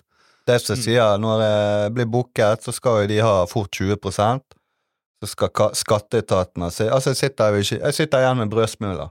Og her sitter jeg og hjemme og jobber og skriver vitser. Og så så skal alle sugere, Ja, ja. men der var vi litt øh, Vi snakket om det der i denne soloepisoden, Ja. om kun med meg og deg. Ja. Og Der tenkte jeg sa, det kan du kanskje spørre han om. For du mener at du betaler ca. 50% skatt, og jeg mener at da tjener Det du ganske greit. Men det gjør ikke du. Nei, jeg gjør jeg, kanskje eh, ikke det. Jeg, når jeg ser på skattemeldingen min, jeg legger jo bare standupen rett oppå. Mm. Og så får jeg, jeg får den her ferdig fra fiken, så jeg Mm. sender inn næringsoppgaven. Og øh, så legger jeg inn Eller Men det er høyt skattetrykk i Norge. Unødvendig høyt Ja. eh, skattetrykk i Norge. Vi Men jeg ikke, tror ikke jeg er på mer enn totalt sett å 30. til Sveits nå, faktisk. 35 kanskje. Ja, det, det, det kan være, det spørs jo litt hva man har, men det er jo det som er vanlig, mellom 30 til opp mot 50% men da er det man Ja. ganske høy inntekt. sant? Men, eh, Og så er det jo denne kampen som er nå, da, eh, hvor eh, liksom næringsdrivende og, og de som har formue, de som er, eier småbedrifter, de er jo pisslei. For det du har hatt utbytteskatten som er nærmere 40% nå, og så har du formuesskatt, Mm. så har du økt arbeidsgiveravgift, sant? så du, du, det er en veldig stor del av den verdiskapingen som, som du òg gjør. La oss si at du blir en kjempesuksess, da. Altså du blir liksom, jeg kommer ikke på noe, Gary V-størrelse sant, eh, på deg. Og så har du da at du har skapt dette imperiumet, og så skal liksom noen ha så og så mye mer og mer og mer og mer av det. ja. Det blir jo litt sånn irriterende, til slutt så sier du at ja, men faen, da drar jeg til Sveits, eller da drar jeg til Ja, ja. USA for å heller gjøre dette her. Ja. Så det er liksom sånn, ja det, det er en viktig debatt vi har her nå. Eh, På ene siden så skal du liksom skape noe vi skal leve av etter oljen, og så er det litt sånn, i Norge har vi liksom planøkonomi på det, da, at det er staten som skal bestemme at vi skal satse på havvind og batterifabrikker, istedenfor å si sånn, la oss gjøre det dritlukrativt å starte og drive bedrifter i Norge, så vi får liksom tusenvis av hoder som skaper masse forskjellige ting, Mm. og så ser vi da liksom hva er det vi er gode på. Ja, Det er jo det, det, er jo det liksom vi ønsker, sant? at uh, innovasjon og gründerskap skal få lov å, å spire. Sant? Mm. Svenskene har vært kjempeflinke på det. Vi har ikke klart det. Nei. Nei. Vi har liksom falt baklengs inn i en sånn oljebøtte og bare hatt sugerør nedi den. og Ja, men så er det vel eh, kan, Det henger vel kanskje litt igjen fra den sosialdemokratiske eh, eh, ånden som de har. Mm. Også det, der, det de hadde med oljeeventyret, der staten gikk Ja, det, inn. Det var jo en suksesshistorie. åpenbart bra, og, og, og her er det noen premisser. òg. Dette var felles naturressurser. sant? Ja. Og Derfor kan jeg skjønne også at hvis du da har et oppdrettsanlegg som ligger ute i fjorden her, og forringer naturressursene for oss andre, Mm. så er det en grunnrenteskatt på det. Ingen Ja. problem. altså Det er lett å forstå. Ja. Men hvis du liksom sitter hjemme og skriver vitser, hva har liksom staten liksom rett til å si? Det er akkurat som de snakket om, om Haaland nå. Ja, men han er jo norsk, han har fått gått på barneidretten. Norsk. Tipping har finansiert Ja, hva- eh, sokkene til Du må har ha grunnrenteskatt på idrettsstjernene våre. Altså, Mm. altså, og så sier ja, for du har gått i skole i Norge. Ja, den hjernen der har jo tatt inn veldig masse av norsk skolevesen. Ja, ja, men altså, skolevesenet i Norge er ikke bra. Det er jo ikke Nei, bra. lærer, og, og, og, det. ja, og det er forferdelig. Det er dårligere lærerdekning enn det var før. Jeg har snakket det er med kompiser som er lærere, og de sier sånn Nei, de som er klare for meg, men de bryr meg om resten Og liksom bare Det, det, det får ordne seg. Ja. Så, så åpenbart, det funker ikke, liksom sånn som systemet er nå. Vi Men jeg synes det er feil som står og er nesten kontaktlærere uten lærerutdanning. Står Mm. og ha hele klasser i månedsvis Mm. alene. Det, det er helt, helt ekstremt. Ja. Men eh, ja, apropos uh, grunnrente, for jeg har jo den uh, Tittelen på podkasten kommer faktisk fra den jobben jeg hadde utenom sesongarbeidet mitt, Ryddemanual, fordi jeg holdt på med noe som heter Rydd Norge-prosjektet, med et Mm. firma som heter Novimarut fra, fra Sotra. Og de er sånn oljevern, så vi har holdt på i pandemien, så har vi reist langs kysten og rydda plast. da. Jeg lurer på, Leste jeg om dette? Var det Det har jo nok vært en del ja. i media. Ok, ja. Det har, For jeg husker og- det var Ja. Og uh, det er Handels miljøfond, det er den uh, poseavgiften ja. som finansierer oss. Mm. Og vi Og har. Alle. Det en sånn bærepose. Ja, ja, bæreposene. Når du betaler disse kronene fra bæreposene, så Ja, går så det inn det i et er- fond, og så okay. ja. Og Handels miljøfond er jo egentlig privat, men statlig. Mm. De har på en måte fått den, eh, den summen som har de fått lov av staten å få. Mm. Så det er på en måte sånn delvis privat, men egentlig òg statlig, Mm. som finansierer den der ryddingen. Og jeg har jo jobba langs oppdrettsanleggene mens denne debatten har pågått, og jeg ser jo det Det, eh, det avfalltrykket de har, er helt ekstremt. Og vi har òg funnet på sånne holmer, for vi er jo på plasser der vi har gode båter og sånt, sant? Mm. så det har kanskje aldri vært et menneske der. Der har vi funnet fra altså hele oppdrettsanlegg, tidligere deler, som bare er plassert der, rett og slett bare dumpa der. Ja. ja. Hele sånne, og så langs de anleggene er det vanvittige mengder. Så jeg har sittet der samtidig som den der eh, laksedebattskatten, eller lakseskattdebatten har gått, og så har jeg sittet der og bare Ja, dere kan komme her og se hvorfor. ja. Og jeg har jo, jeg har jo vokst opp eh, Jeg er halvt aurlending um, Ja. inne i Sogn, så jeg, der har du Aurlandselva, som var en av liksom, eh, Norges beste fiskeelver i gamle dager. Så jeg har vokst opp med liksom fiske den om sommeren, Ja. og så etter hvert når jeg ble større, så begynte jeg på fluefiske, så jeg gjør det fortsatt en del, da. Ja. Men det er klart at det, altså fiske, den type ting, er jo helt ødelagt i forhold til det det var uh, for, for 30 år siden. Ja, ja, ja. Sant? Så jeg har liksom en sånn uh, Det er ikke en sånn økonomisk driver, kan du si, at jeg er imot oppdrettsanlegget, men jeg ser at det miljøproblemet der har noen ramifications uh, inn der òg, da. Um, så nei, det er åpenbart. Og en, og en kompis som faktisk jobber som dykker, og han har jobbet masse disse her oppdrettsanleggene, og han spiser ikke oppdrettsfisk. Han har sett liksom hva er det som foregår inni der, for han ja, ja. klarer det ikke. Nei, for vi har jo har jo, vi eier jo litt av en del av Oselva òg. Ja. Og der har jo det òg vært eh, Jeg vet de eh, Jeg tok jo denne fridykkerlappen ut på Litterudsotra med de der frivannsliv. Ja. Og jeg vet han eh, Børje som har de kursene, han hadde òg noe sånn kursing der han dreiv, og så kjente igjen oppdrettsfisk. Så leide seg inn til elva. Den gikk Mm. ut og harponerte ut eh, oppdrettslaks fra elvene. Ja. Men til og med det, du ser jo det med pukkellaksen òg, at det er jo vanvittige tiltak, men det er jo vanvittig vanskelig å få Ja, så skal du sterilisere den egentlig, da. Altså, Nå Ja. det sånn her fiskepodden her, men Ja. eh, ja. Så det er jo uh, Poenget Poeng, mitt var i hvert fall at når det er sånne type ting, altså ting som går på felles naturressurser uh, Ja, åpenbart her grunnrenteskatt, sant. Skal Mm. vi ha, ha, ha vindmøller på, på Fløyen her, sant, så er det greit at uh, det, det selskapet som får drifte de, uh, får betale litt ekstra skatt. Men, men da når du skaper ting liksom av din egen fri liksom, lidenskap uh, og, og driv, så er det litt sånn hoven, syns jeg, å si at staten liksom skal ha rett til mer av ditt fordi du har vært så heldig å vokse opp her i landet. Du betaler jo skatt. Ja, Du betaler. betaler jo inntektsskatt, du betaler uh, utbytteskatt, du betaler uh, overskuddsskatt når du tar det, du betaler arbeidsgiveravgift, Mm. du betaler skatt, du betaler Når du kjøper ting i Norge, så betaler du moms på det òg. Mm. Det er et sinnssykt skattetrykk Ja, ja. i Norge når du går gjennom hele linjen her. Og du sier det, ja, men jeg betaler jo bare eh, ca. 30% skatt. Jo, jo, men Ja, så betaler du arbeidsgiveravgift, sant? Og så betaler du moms på tingene du kjøper, sant? Betaler jeg eh, kommunale avgifter og Ja. Så skattetrykket er veldig mye høyere, men det er jo sånn arbeidsgiveravgift, hva er det egentlig? Jo, det er jo egentlig penger som, som du kunne fått mer i lønn, sant, og så heller betalt gjennom skatteseddelen. Jeg betaler ikke det på enken, da. Hæ? Jeg betaler ikke det på enken. Hvis jeg hadde hatt AS. Nei, for der er det vel med at øh, om du tar utbytte, eller jeg, jeg er ikke helt sånn, jeg har ikke hatt enk sjøl, da. Ja, nei, Jeg er ikke helt sikker på hvordan det funker, men det kan jo være det pakker inn det på en eller annen måte. Mm. Det, Men det, det, det er jo egentlig bare Mm. en måte å flytte skatten fra skatteseddelen, slik at du som privatperson føler du betaler litt mindre, Ja. men det er arbeidsgiver som betaler istedenfor. Så skatten er jo det. Mm. De lurer deg. Ja, men det er jo det. Det fragmenterer det opp, sant, for at da virker det ikke så stort. Ja, og jeg får jo ikke muligheten til å påvirke det. For det er det jeg liksom skulle øve til. At eh, du har jo både oljenæringen og eh, kraftnæringen har jo grunnrenteskatt. Mm. Så det vil jo egentlig være litt sånn eh, urettferdig at Jeg skjønner jo for oppdrettsbransjen når den plutselig kommer nå sånn i mange Mm. år etterpå. Nesten som sånn eh, sånn Ja, og så, eh, tilbakevirkende kraft. her, her har det veldig mye med hvordan de innførte den. sant? Det var liksom Over natten, bom, så skulle Mm. det liksom bli sånn, istedenfor å si ja, ok, nå i løpet av de neste x årene så vil det foregå sånn og sånn og sånn. Og sånn, sant? Og så kanskje litt hvordan han var utformet da, at han hensyntar hele ver verdikjeden her. Eh, Sånn at de kan tilpasse seg, liksom. Og, Ja, i hvert fall at de vet hva som kommer. For det som skjedde, var jo at uh, oppdretts... Uh, altså aksjekursen på disse selskapene falt jo over natten, Mm. og, og utlandet sant? eh, Norge er jo kjent for to ting, og det er fisk og olje. Sant? Fisk og energi. Uh, på, på fisk er jo vel kanskje en av de liksom, beste børsene i verden på det. Og så ser de at den norske regjeringen gjør noe sånt, så tenker de det her gidder ikke jeg å forholde meg til. Mm. Jeg gidder ikke investere i dette landet her, for her er det jo ingen politisk stabilitet. Jeg kan ikke gå inn her og kjøpe en aksje, og så bare gjør politikerne et eller annet, og så faller den med 50 over natten. Og hva, hva, hvem går det utover? Jo, det går utover de som skal starte selskaper, for det er vanskelig da å trekke til seg utenlandske investorer inn i, eh, i, i, i Norge da, for å finansiere opp Mm. ting, sant? Ja, det var jo vel det som var tingen. Men samtidig, de får jo lov gå inn og så uh, debattere med, eller møte med finansministeren om å diskutere sin eget skattetrykk. Det er jo ikke noe vi, eh, vi noen gang vil ha mulighet til. Så det er jo en ekstremt mektig bransje uansett.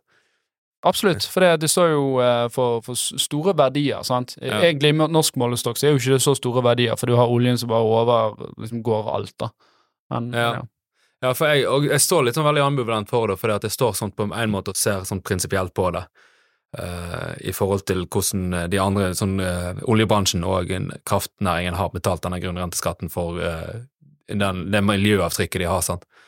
Og så ser jo samtidig det at når det er masse utflytting av Norge, lite investering som kommer inn til Norge utenlands, sånn som du nettopp snakker om, Mm. så er jo det i sum ikke bra for eh, staten og bedriften Norge og folket her. Vi er, vi er blitt et sånn, sånn tjukk, sånn lat, eh, sånn tredjegenerasjonsarving som bare har liksom masse penger og en bedrift som går, sant. Mm. Og så er det sånn Mm. Nei, vi skal bestemme, for det, det er vi som bestemmer. Sant? Altså, det, det, er, det er nesten sånn at du skulle ønske at uh, bortimot Nord-Korea hacket og tok oljefondet, så måtte vi stå der og si shit, hva gjør vi nå? Nå? nå må vi faktisk skape noe her. må vi ha, nå må vi ha kvalitet. Ja, nå, må, ikke- nå må vi ha litt skaperevne her. Så Ja. Nå må vi faktisk lage noe som folk er villige til å betale for, og utlandet er villig til å betale for òg. Ja, så innovasjonsevnen i Norge, den eh, Den, den, den, jeg vil si det er mange som vil, men det tilrettelegges ikke eh, eh, for å- sånn som det er gjort i andre land. da. Ja. Um, det var en veldig god pod med i skiftet med han eh, Alexander Leonard uh, hva heter han i Sky Maybes. Um, det er et sånt kryptoselskap som ingen har hørt Ja. om, men som er kjempestort. Det var verdsatt 25 milliarder her på det meste. Sant? Norsk Mm. fyr som er med å grunne det.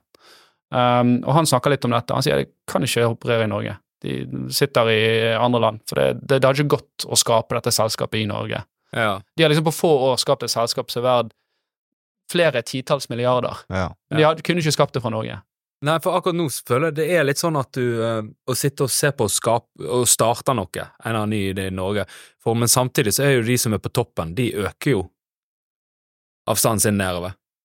Ja, klart at du La oss ta dette her med, med formuesskatten, da. sant? Så sier jo SV, eh, som er kanskje den verste på dette her, men for så vidt også litt Senterpartiet og Arbeiderpartiet, at ja, hvis vi fjerner formuesskatten, så blir det 25 000 nullskattytere i Norge. For det første er det feil. De betaler jo skatt. De betaler skatt når de tar utbytte, de betaler skatt når de Det kan godt være at ikke de betaler skatt hvert år, men at de tar ut 100 millioner ett år, og derav betaler 40 millioner i skatt det året Mm. og ikke skatt året etterpå. Så det blir helt feil å si at de ikke er skattytere. Men det andre er jo at det er ikke 25 000 som betaler formuesskatt. Det er 670 000 i Norge som Ja. betaler formuesskatt, og det er hovedsakelig små og mellomstore bedrifter. Sant? Så de Mm. bruker en retorikk der for å si at ja, men de, de peker liksom på Røkke, og ser på disse her som tjener så mye. Ja, hva gjør de da? De har jo råd til å flytte ut. Mm. Hva gjør eh, Per Ove på Knarvik, sant, som driver en fabrikk her og, og har liksom Han er jo flytta til radio, han kommer ikke lenger vest. Ja, Det er feie. La oss si at du hadde hatt en fabrikk der ute, da, du hadde 20 ansatte, og du, du har liksom på papiret har du 40 millioner, sant, for Mm. du har fabrikklokaler her hvor du går. Du har ikke mulighet til å flytte til Sveits, men du må ta ut utbytte og si opp en ansatt hvert år fordi du må ha ut utbytte for å betale formuesskatten. Og det er det som er feil. Så det er ikke det at eh, man ikke nødvendigvis skal ha skatter, sant? Og, og, men at det er skatt på det som kalles arbeidende kapital. Den kapitalen som faktisk er fabrikklokaler og instrumenter eller IP eller hva enn det måtte være, det er feil. Ja, det er akkurat der jeg har uh, lurt så veldig, for jeg kan jo egentlig veldig lite om dette her. Men det er det, er det altså, går ikke an å differensiere.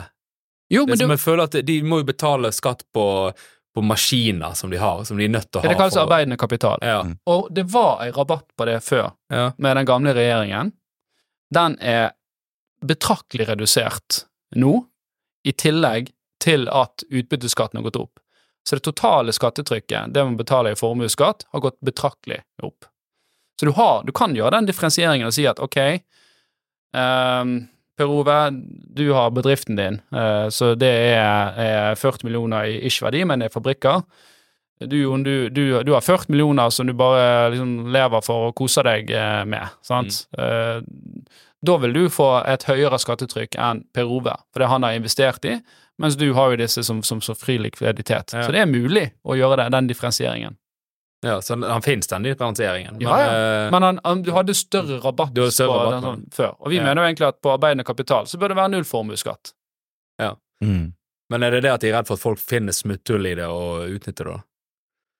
Det kan godt være. Jeg tror dette handler mer om symbolpolitikk, og at SV og, og det handler om sjalusi, og at folk liksom liker det at SV står der og sier 'vi skal ta disse her, vi skal ta han der og der'. Eat the rich. Og, ja, men, ja, men han som de skal ta og peker på, han flytter til Sveits, for han har fint råd til det. Mm. Den de tar, er Per Ove, sånn, som er faktisk den som gjør at faren eller onkelen har arbeidsplass. Ja.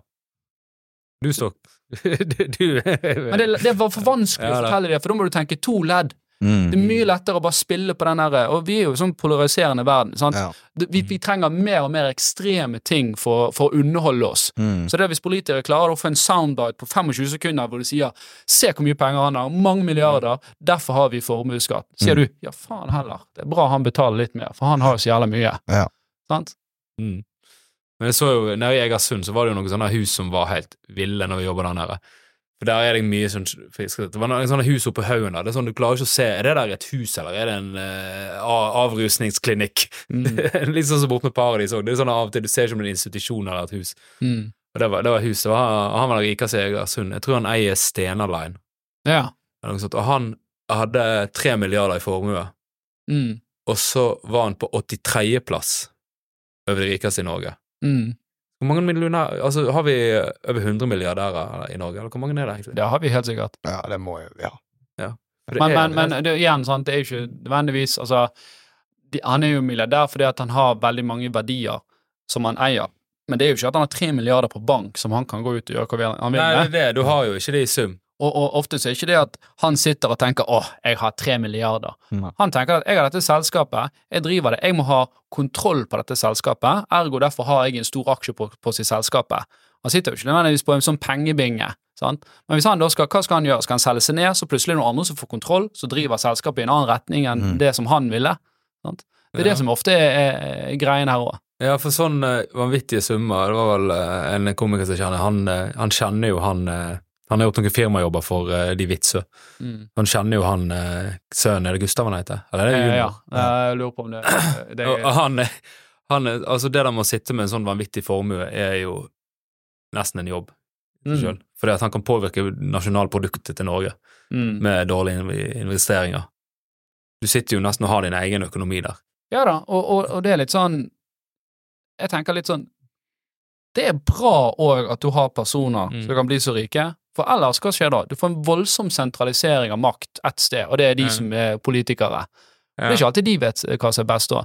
Så det, det er akkurat som du vil jo ha mulighet, hvis du er veldig misfornøyd med noe her, så har du et alternativ. Du vil jo ha krefter som utfordrer hverandre, for det er jo det som skaper, det er jo derfor du har Konkurransetilsynet, for å påse at det er konkurranse, at det ikke er bare Rema 1000 som får lov å ha butikker her. Ja. Sant? Kanskje et dårlig eksempel, for det er ikke, det er ikke den beste konkurransen innenfor Ja, her. de har vel samla seg ganske i Ja, eh, de Ja, du har Norgesgruppen, og så har du, så du, så du De jobber i lag. ja. Men, men poenget mitt er at du har jo Konkurransetilsynet der for å passe Mm. på at det er en check and balance. Men, mens hvis, eh, så det er ikke bra heller at du får en statlig regjering som blir for sterk. Du må ha at hvis du er misfornøyd med noe, så har du mulighet til å flytte til et annet land. Det er veldig viktig. Det er din, liksom, hvordan du stemmer. Jeg vet hva, jeg er ikke fornøyd med hvordan vi styrer ting her i Norge, så jeg flytter til et annet land. Og at du òg har eierrettskap på det du skaper. Eh, Han, eh, Argentinas president han holdt en tale på Davos eh, nå, og det er ikke alt nødvendigvis han sier liksom, er bra heller, men han, han tok liksom gjennom Argentinas historie, da. Som var, Argentina var en av de største økonomiene i verden, hvis du går liksom tilbake på slutten av 1800-tallet og begynnelsen av 1900-tallet. Han er En av de ti største. Sant? Nå er det litt sånn tulleøkonomi. Og det som skjedde er jo at det har vært sånn syv revolusjoner sant, de siste årene, og alltid har det vært sånn ja, vi må fordele mer godene og sånn og sånn og sånn. I dag er landet helt totalt skadeskutt. ja, de er vel på hva er det, 70 øl og rente. Ja, sant? Det, det, det, det er helt ødelagt økonomi. Ja. Men han, han forklarte dette at ok, hvis du går tilbake i tid, er den in, kapitalismen, hvis vi skal kalle det det, startet på la oss si 1800-tallet. Og du ser fra 1800-tallet til i dag, levestandarden til folk er jo liksom skutt i været. Du kan gå tusenvis av år tilbake, og han var relativt Mm. lik. Han var ganske shitty. Og hvem som styrte da? Konger, vasaler, adler. sant? Ja. Folk som bare sånn Vi eier dette området her i makt, Ja. og vi gjør det vi vil. Så Ja. på 1800-tallet så begynte industrialiseringen og, og privatiseringen at du fikk lov å starte noe. Du fikk lov å begynne å bygge biler. Du ville bygge ditt og datt. Og man ser bare levestandarden og, og, og liksom den generelle liksom eh, eh, ja, levestandarden til folk har bare økt betraktelig på grunn av den. Så det er klart at kapitalismen nå har sine utfordringer, men det er ingenting i verdenshistorien som har vært så positivt for mennesket som at faktisk folk har fått e e- eienrett. Nå er vi på vei tilbake til at nå skal vi ha konger, bare det gjelder- heter politikere istedenfor, Ja, ja. som skal styre og mene over alt og fordele og si at nei, vet du hva, vi mener at du skal få styre dette, Per Ove, du får sånn, og nei, du, nå blir du litt for stor, så nå tar vi litt av ditt land og, og dine verdier og putter det der. Mm. Hvordan i helsike er dette en god utvikling? Men hvor, hvor, altså, hvor er trykket på det vi har til tilgjengelig nå? For det, det har jo økt vanvittig levestandarden på, for alle, men nå, er det sånn som Kina vokser jo helt ekstremt òg. Hvor mye har vi, hvor mye står vi for Når du snakker om checks and balances, hvor mye står vi i forhold til ressurser, og hvor mye vi, levestandarden til hver enkelt individ mulig til å holde? Altså, Tenker du liksom Norge eller globalt, eller hva? globalt er det vel eh, nå, Det er jo nesten hele verden globalisert. Ja, det jo, Kina har jo løftet en middelsklasse fra liksom, Ja. fattigdom og, og inn i Og de er jo kanskje De har hatt en utrolig finurlig balanse med et liksom, diktatorisk eh, styring, Ja. samtidig som de har, har praktisert kapitalisme. Sant? Så Ja. uh, i motsetning til Sovjetunionen, sant, som var en complete failure, for der var det liksom bare diktatorisk holdning. Ja. Um, så, så jeg sier ikke at Kina har gjort det bra, og det er åpenbart nå når du ser på eiendomsmarkedet der, at her har de liksom laget kunstige verdier òg, med at de har bygget disse spøkelsesbyene. Mm. Sant, så det er det verdens største eiendomsselskap som går konkurs nå, sant, det er Evergrande. Ja. Um, men, men levestandarden til den jevne kineseren har jo økt voldsomt, og det er det jo har på grunn av at de har innført kapitalisme. Uh, Ja, ja. Og i Norge òg så har jo det liksom vært til vår fordel, og så er vi litt sånn spesielle, for sånn, vi falt ned i dette her oljebøtten, eh, og så har staten gjort mange gode valg, sant, som har gjort at vi har eh, fått eh, liksom et fellesskap, at det ikke er liksom tre baroner her som har liksom tjent seg, seg 15 000 Ja. milliarder, eller hva oljefondet er på nå, det er liksom fordelt på et fellesskap her, og det er bra. Samtidig som folk har klart å bli veldig rike på olje eh, i Norge, sant, fordi de har laget Eh, de har laget plattformer, de har laget eh, produkter og Mm. analyseverktøy og prosesseringsmetoder som de har klart å selge og eksportere til, til resten av verden nå. Ja, og nå ser du det er jo veldig mange eh, Det er jo veldig mange sånne innovasjons- og produsenter av eh, diverse eh, komponenter som man bruker i oppdrettsnæringen og oljenæringen, som har klart å lage firma på det. Så det er jo ikke bare selve næringen altså, ja, seg sjøl. For den næringen er jo egentlig ikke så veldig stor. Den har jo vel sånn 9000 ansatte. altså, det, det staten har gjort her, er at de har tatt ansvar for selve den oljeproduksjonen, kan du si. Men så har de latt, latt eh, liksom resten rundt der, all denne eh, eh, forskjellige duppedingsene som lages til oljeprinen, det, det har hovedsakelig private fått lov til å, å, å, å, lage og, og tjene penger på. Og det har gjort at vi er noen av de aller beste i verden på den type teknologi. Sånn at vi selger vår teknologi til USA og til, eh, til, til Saudi-Arabia etc. Sant? Mm. Så vi har liksom noen av de beste hodene i verden innenfor den type teknologi. Hadde man gått inn og sagt liksom, nei, her er det kun liksom statlige leverandører som får lov å levere, så hadde de aldri opplevd det. Nei. Så mitt poeng er liksom, gi folk frihet, gi folk mulighet til å eie og drive og, og vokse, så skaper du verdiskapning for alle. Vi baker kaken større. Ja. Mens, mens uh, særlig den, den ytre venstresiden i dag, de har jo heller en retorikk som sier uff, se hvor mye han der har, la oss stikke han der litt og blø han, årelate han der litt til resten av samfunnet her. Den, uh, den ytre venstre siden, ja. Ja. Fuck de. ja, men så se, se jo da, altså, jeg, jeg, jeg, vi snakker mye om dette i poden vår, og at eh, du har liksom karrierepolitikere.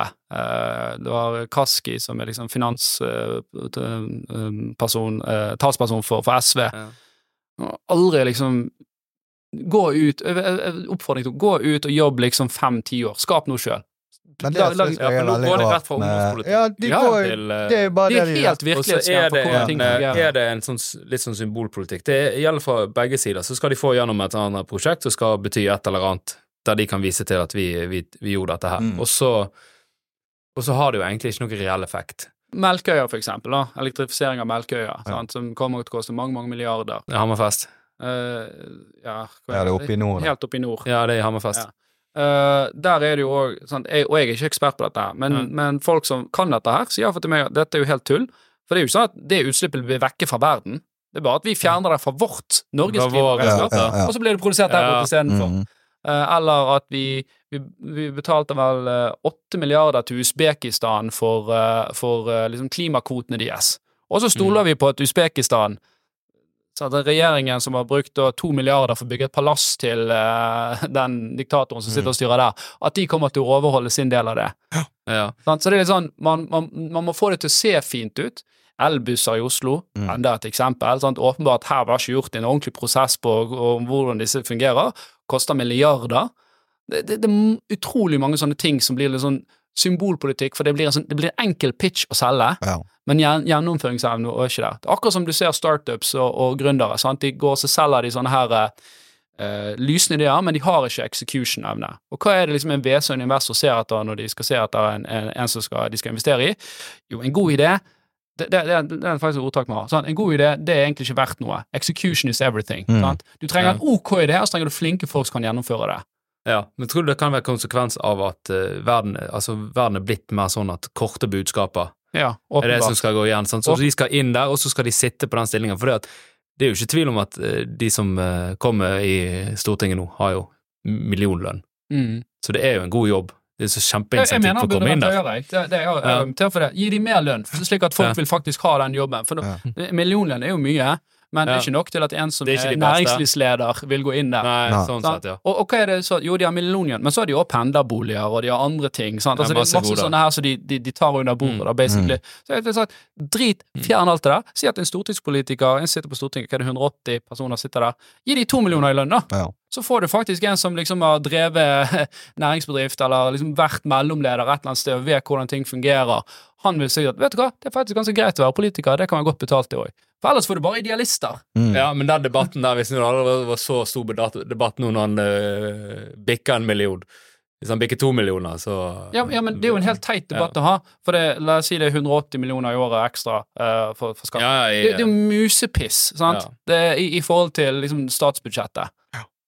Så- ja, så det- sånn ja. sett er det jo selvfølgelig ingenting. Det er jo litt sånn som med Os òg, med han nye han eh, kommunedirektøren. Terje Søviknes. Nei, det ja, han, han, er ordfører han i tok jo nå eh, full lønn både som ordfører og som Ja, han fylkes... 2,4 millioner i lønn. Ja, men samtidig så bare tar han også Han jobber ikke dobbelt så masse, han bare Ja. kutter vekk de møtene som han ikke kan ta for begge. Ja, og, og det er åpenbart at han- kan godt være Nå har jeg ikke sett på den situasjonen. Godt være at han skor seg på et system der som ikke fungerer, og derav tar en, en, en dobbel lønn. Eh, samtidig så er det sånn at eh, La oss si hvis du er styremedlem da, i Equinor eller Telenor, så får du ganske godt betalt for å være der.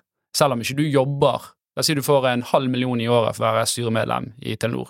Du Ja. jobber jo ikke en fulltidsstilling for å gjøre det. Men du er der fordi at du har en helt unik kompetanse. Du vet noe om det markedet Mm. som kan påvirke milliarder i omsetningen, eh, og du har et personlig ansvar når du sitter i styret. Så Hvis dette selskapet gjør noe så ulovlig, så kan du faktisk komme i fengsel for det. Ja. Sant? Ja. Så du, du, du har en høyere risiko, og du har en unik kompetanse. Sant? Hvis jeg skulle ansette deg til å skrive vitser, skal jeg ansette deg og si at nå skal du sitte åtte timer om dagen og skrive vitser til meg? Eller skal jeg si du skal gi meg ti knallbra vitser. Mm. Om du bruker fire timer på det, eller åtte timer, Ja, det er jo helt ja. liksom Ja. ir- irrelevant. Ikke du hadde fått noe ut av hvis du skulle tvunget han til å jobbe åtte timer dagen med vitser. Nei, men Du skjønner poenget? Ja, sant? ja, ja. At det, det er outputen og kompetansen man betaler for, og Ja. den risikoen man tar, Mm. ikke nødvendigvis antall timer man legger ned. Ja. Så derfor er det litt sånn, ok, det kan godt være at han Søviknes har en helt unik kompetanse. Jeg sier ikke han har det, jeg kjenner ikke personen, jeg har ikke sett på hva stillinger han har der. Det var noe sånn, Vi leste om det i poden i går, da, det var noe sånn fylkesting og sånn. Jeg vet ikke hva disse, ikke hva disse instansene gjør engang. Det Det han sitter der og bare melker til Han sitter vel egentlig bare i to politiske verv samtidig. Men, men poenget mitt er at det er ikke alltid nødvendigvis at det er antall arbeidstimer du skal regne verdien Nei. Uh, av. Nei, sånn sett, ja. Hvor i helsike skal du liksom få eh, 20 000 for å ha et eh, Du holdt jo bare én time på julebordet. Hvorfor skal du ha 20 000 i timen? Mm. Sant? Nei, det er jo fordi at du åpenbart Ja, ja. bedre. Og, Ja, ja. Det er bedre at du holder en time enn at jeg holder en ja, time. ja. Ja. Det er jo det vi sier, det er jo arbeids, det ligger jo masse arbeidstimer bak der. Ja, Ja. ja, og for, for å bygge den Ja, ja, ja. kompetansen. Ja. Det er jo ikke bare det du tar betalt for, du tar ikke betalt for timelønnen der. Hvis du regner med hvor masse arbeid som ligger bak der, så er det jo All grindingen og Ja, og så ikke minst arbeidet du gjør før, eh, Ja. før show òg. Mm. Nei, nå ble det plutselig økonomipolitikk her. Der Å uh... oh, ja, men du hører, her kan vi jamme. Nei da, det, det er klart at eh, jeg, det er jo, jeg er jo styreleder i Fintech Norway òg, som er Ja. sånn organisasjon for startups innenfor fintech-miljøet, og, og der har jo dette vært liksom en problemstilling som vi snakker om. Og, og vi ser det at det er vanskelig å få god fart på nye selskaper i Norge. Ja. Og så provoserer det litt da når næringsministeren sier ja, men det er rekordstore investeringer i Fastlands-Norge. Ja, men herregud, det er jo liksom i etablerte Det er jo oljeindustrien. Det er jo Mm. ikke, det er jo ikke hvordan, skal vi få neste Spotify eller Klara Ja, ja. eller Volvo eller whatever? Sånn, Ting som de har vært flinke på å skape i, i ja. De som må ha andre Ja, det at vi kanskje ikke har eh, Nå fikk vi det oljeeventyret som nå har vart i hvor lenge? 40 år? Ja da. 85, nei, 50, 50 Seks. Ja, det er over 50 år. Ja. Det er jo 70, 69 var det vel de fant Ja. eh, på Ekofisk, så det er jo nesten 60 år, da. Ja. Faktisk. Men det er jo eh, Nå når vi kommer ut på andre siden, når vi begynner å Vi har nådd peakene på vei nedover, Mm. så, så er jo spørsmålet hva er posisjonen til Norge nå? Ja, og Og det føles litt som om vi står uh, Ja. litt rå, kompetanseløs. ja, men, men Mm. ta sånn, han, Jeg nevnte den podkasten til Skifter med han Alexander fra SkyMaves. Han sa noe som er veldig bra. i. Det Utrolig synd at sånn som Røkke har flyttet. For tenk, Han jobber sikkert knallhardt fortsatt. og Tenk all den kompetansen han var. Sånn, tenk hvis Røkke liksom hadde vært her i nærheten og kunne liksom gitt deg mentoring om hvordan du Mm. drev et selskap. Tenk all den verdien den har.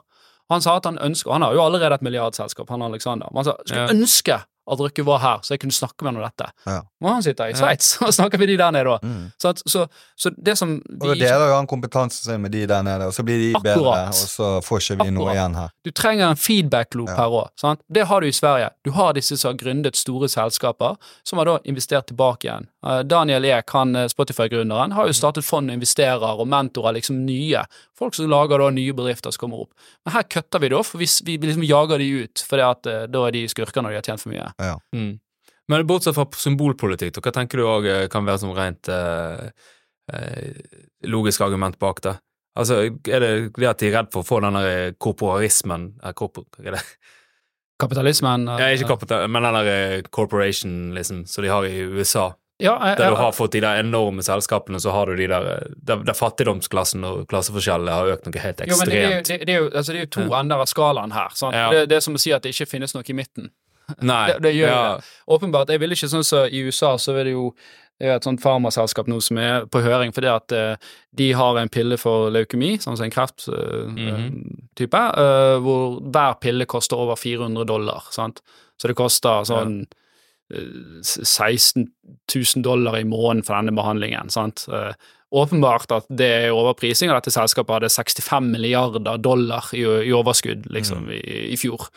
Sant? Eh, åpenbart vi ønsker ikke de, de tilstandene der. Nei. Og Da er det mer sånn, da er staten sin rolle det er ikke, det, det, det går inn og bare setter noen spilleregler. Akkurat sånn som du har Konkurransetilsynet, for eksempel, som setter spilleregler. Sant? At noen ikke skal bli for stor, for det skal, det skal være en sunn dynamikk i, i markedet.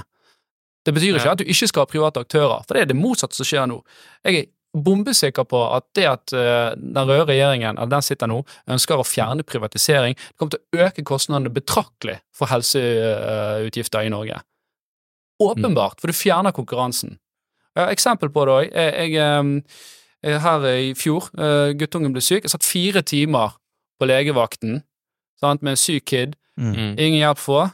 Så ringte jeg denne her eh, eh, sånn fast, en sånn lege på, på telefonen, kostet meg 250 kroner, og sånn der, for det var et kvarter. Jeg Ja. var, 'Å ja, det er det og det.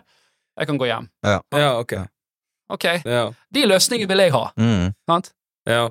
Det var ikke det, sant? Og, så, så vi trenger òg og jeg har ingenting innenfor Jeg, jeg, har ingen egeninteresse innenfor uh, helsepolitikk. Jeg driver ikke med utvikling av det. Men jeg bare vet at du trenger de markedsmekanismene for å få det til å fungere, og få det til å bli effektivt, og få en ny innovasjon. Ja. ja. Og vi er jo uh, Og samtidig, med det inntoget Det finnes flere fuckings direktører i Helse-Norge enn det er intensivplasser. Ja, det er sykt. Og så har du jo òg det der med inntoget av New Public Management som kom eh, sånn rundt eh, det var Bondevik-regjeringen eh, på begynnelsen av 2000-tallet. Så får du jo uansett inn veldig mange aktører som har med Helse-Norge, sånn som for eksempel byggingen av denne nye avdelingen oppe på Haukeland.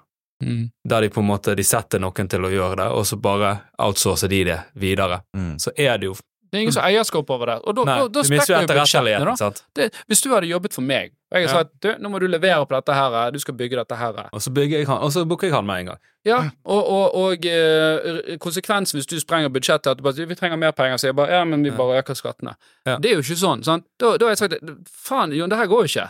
Her må vi enten kutte det prosjektet, vi må tilpasse det. Du, lover deg du hadde jobbet hardere for å få det til å fungere på den prisen. Mm. Ja, Hvis eh, alternativet hadde vært at det ble kutta, ja. Eh, Ja, sant? eller at du, du måtte stå skolerett for, for, for meg. sant? Jeg måtte si vet du hva, da er ikke du evnet til å lede dette her. Ja, den, er- den, den syns jeg er dritskummel, den måten jeg mister kontroll på det. For jeg har for eksempel en kompis, han eh, var sånn uh, forskalingssjef på når de, utgangen til denne utmunningen av tunnelen bort med lagunen. Mm. Den, eh, den Det blir vel Lyshorntunnel som kommer ut der. Og han sa det kommer inn aktører, og så får han en person som skal være utdanna innenfor faget. Og så hadde han en sånn test han gjorde hver morgen, der han spurte om et eller annet som han visste at dette her er det nesten kun Mm. folk som er utdanna for skalingssnekkere kan. Mm.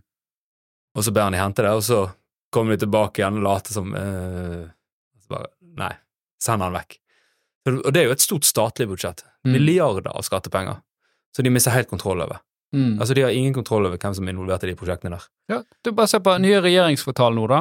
53 milliarder Ja. hva det skal koste, opp fra 3 til 5 milliarder som det egentlig skulle koste etter bombingen. da. Mm. Det er hva var det, det er han sløseriombudsmannen, følger han på Facebook hvis det er ja, veldig bra. Det, det er over dobbelt så mye som det Børs Khalifa kostet å opprette. Sant? Så verdens høyeste bygg, og er over dobbelt så stort. Ja.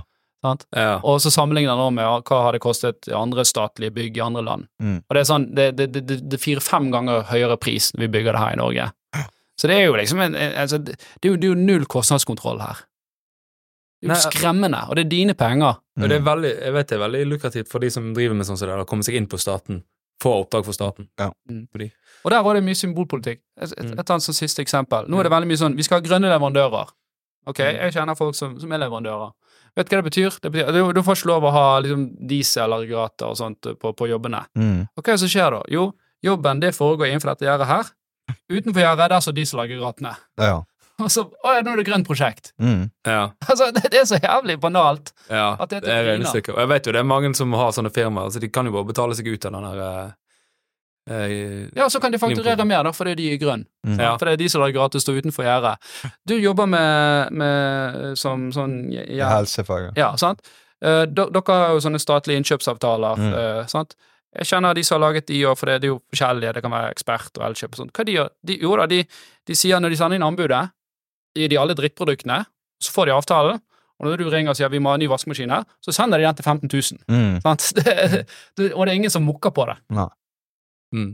Så det er så mye sånn Det hadde ikke skjedd hvis du hadde drevet en bedrift. Så hadde du sagt at men helvete, 15 000 Det koster jo 4000 for en oppvaskmaskin. Hvorfor i helvete har jeg liksom fått denne her? her? Mm.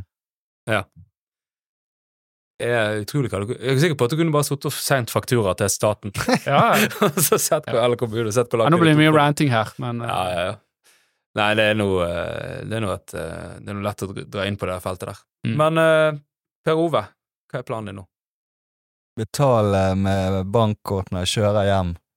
Nei, jeg skal få Skal, skal, skal, skal, skal sette den opp. Er det SE og SAM? Sesam, sesam. Ja. Sesam. som ja. Men det står jo Sesam når jeg kommer inn. Ja, ja, Last ned den Jeg kan bort og se. Jeg tror eh, jeg skal bort til du kan, Hvor skal du? Du skal til Knarvik nå? Ja, nei, jeg skal sørover. Mm. Men eh, du har jo et firma som heter Horde. Hva er det dere gjør for noe? De hjelper jo folk med å få kontroll på økonomien. Ja. sant? Eh, så vi har jo denne Horde-appen som du kunne lastet ned. Ja, den kan jeg laste ned. Jeg må skrive Nå har du ikke så mye det kredittkort, da. da. men Ja. hadde du hatt den, så hadde du fått oversikt over alle kredittkortene dine, Ja. sett hva som var rentebærende, du kunne sagt opp det direkte i appen her og sendt en oppsigelse til banken. Du kunne sett utviklingen din, gjeldsutviklingen, hvordan den gikk opp, hvordan den gikk ned, Ja. og du kunne også søkt refinansiering for å få samlet denne gjelden din. Ja, ok. Og så kan du ha ja, mye annet kult. Vi, du kan få litt sånn hvordan er forbruket ditt Nå jobber vi med AI, så vi skal liksom lage AI-assistenter som Mm. gjør alt fra å reforhandle boliglånet på dine vegne, skaffe de beste forsikringer, øh, analysere økonomien din og finne besparelser. Mm. Så ja, veldig mye gøy. Så Det er bra du bruker AI. Da er du i forkant der òg, for det kommer mer og mer. ja, ja, vi, er- vi, er- vi er cutting edge. Ja, det er bra. Husker du de som la en million ut i skogen? Det er noen som har gjort det? Ja, Du fikk ikke med deg det? Er det du som har gjort det? Ja, vi gjorde det. Ok, er det noen som fant det? Ja, det var to Men delte du det opp? Ja da, dette var to karer. Vi hadde jo Million i skogen her i, i oktober. Og det var, det var Jeg har hørt om det, men jeg visste ikke at det var du Så. Ja, og de som fant den, da, for det kom jo masse grupper med folk som begynte å lete, og dette var to karer som ikke kjente hverandre, men så skjønte da at det gikk mange andre grupper der, så de bare Skal vi to bare mm. bli chommier? Ja. Så de kjente hverandre ikke fra før. Men, eh, men de eh, Ja, det viser bare liksom samarbeid. Det, Ja. Men var, du, var det noe hint på hvor det lå? Ja, inni appen. Inni Horde-appen. Ja, okay, så fikk ja. du hint da på, Ja, på ja. hvor han var, også litt på sosiale medier. De fulgte vel sollyset, var vel det som uh, Det var mange som satt og regnet på vinkel på kassen og solen. Mm. Altså, og først var det liksom Ja, ja, det kom en fugl der, så da er det sånn Nå er det 40 av Norge det Ja. kan være i. Mm. Og så snødde det en dag, da. Og den dagen snødde det bare i sånn 3% av Norge. Ja. Så det er liksom, da snevret jo det seg inn ganske mye mer enn det vi ja. hadde ja, ja, ja. forventet. Eh, Men Norge er svært, altså. Jeg har vært rundt i Norge, til og med når du vet ting er der. Det er helt vanvittig. Men hvor, hvor lå pengene, da? Lå i Tokke kommune. Ok, det vet ikke jeg. I Telemark. Eh, nei, det er ganske i midten av Bergen, eller egentlig Stavanger og Oslo. Så okay. trekker jeg en linje mellom de to, så det er ganske i midten, så finner du Tokke kommune. Ja. Ja, ja. Så var det liksom sånn at både Stavanger, Bergen, eh, Oslo og omegnen der, alle hadde like muligheter, da. Ja. Ja. Og så er alltid de fra Bodø, de er alltid sur fordi vi aldri liksom Aldri legger ut millioner oppe i nord. Men jeg ser for meg eh, alle de der uh, folka som du har de der som analyserte, og så tipper du har en gjeng som bare helte ut en brødpose med amfetamin. og bare slått opp i var våken i ni dager og bare løp ut på Fløyen. ja, Men det var sånn du måtte grave, liksom? For film. Nei, nei, Nei, han, så, han var sånn. livestreamet, så du kunne se kassen. Oh, ja, så ok, så- ja, så det var, det var sånn hvis du gikk på han, så så du at det var en kasse? Ja da, men han lå jo litt uteskrevet. Ja, ja, Men de må måtte bare ta ut den millionen, altså cashen. Ja, først så hadde vi faktisk en million i cash Ja. i den kassen. Det er mye mindre enn du tror.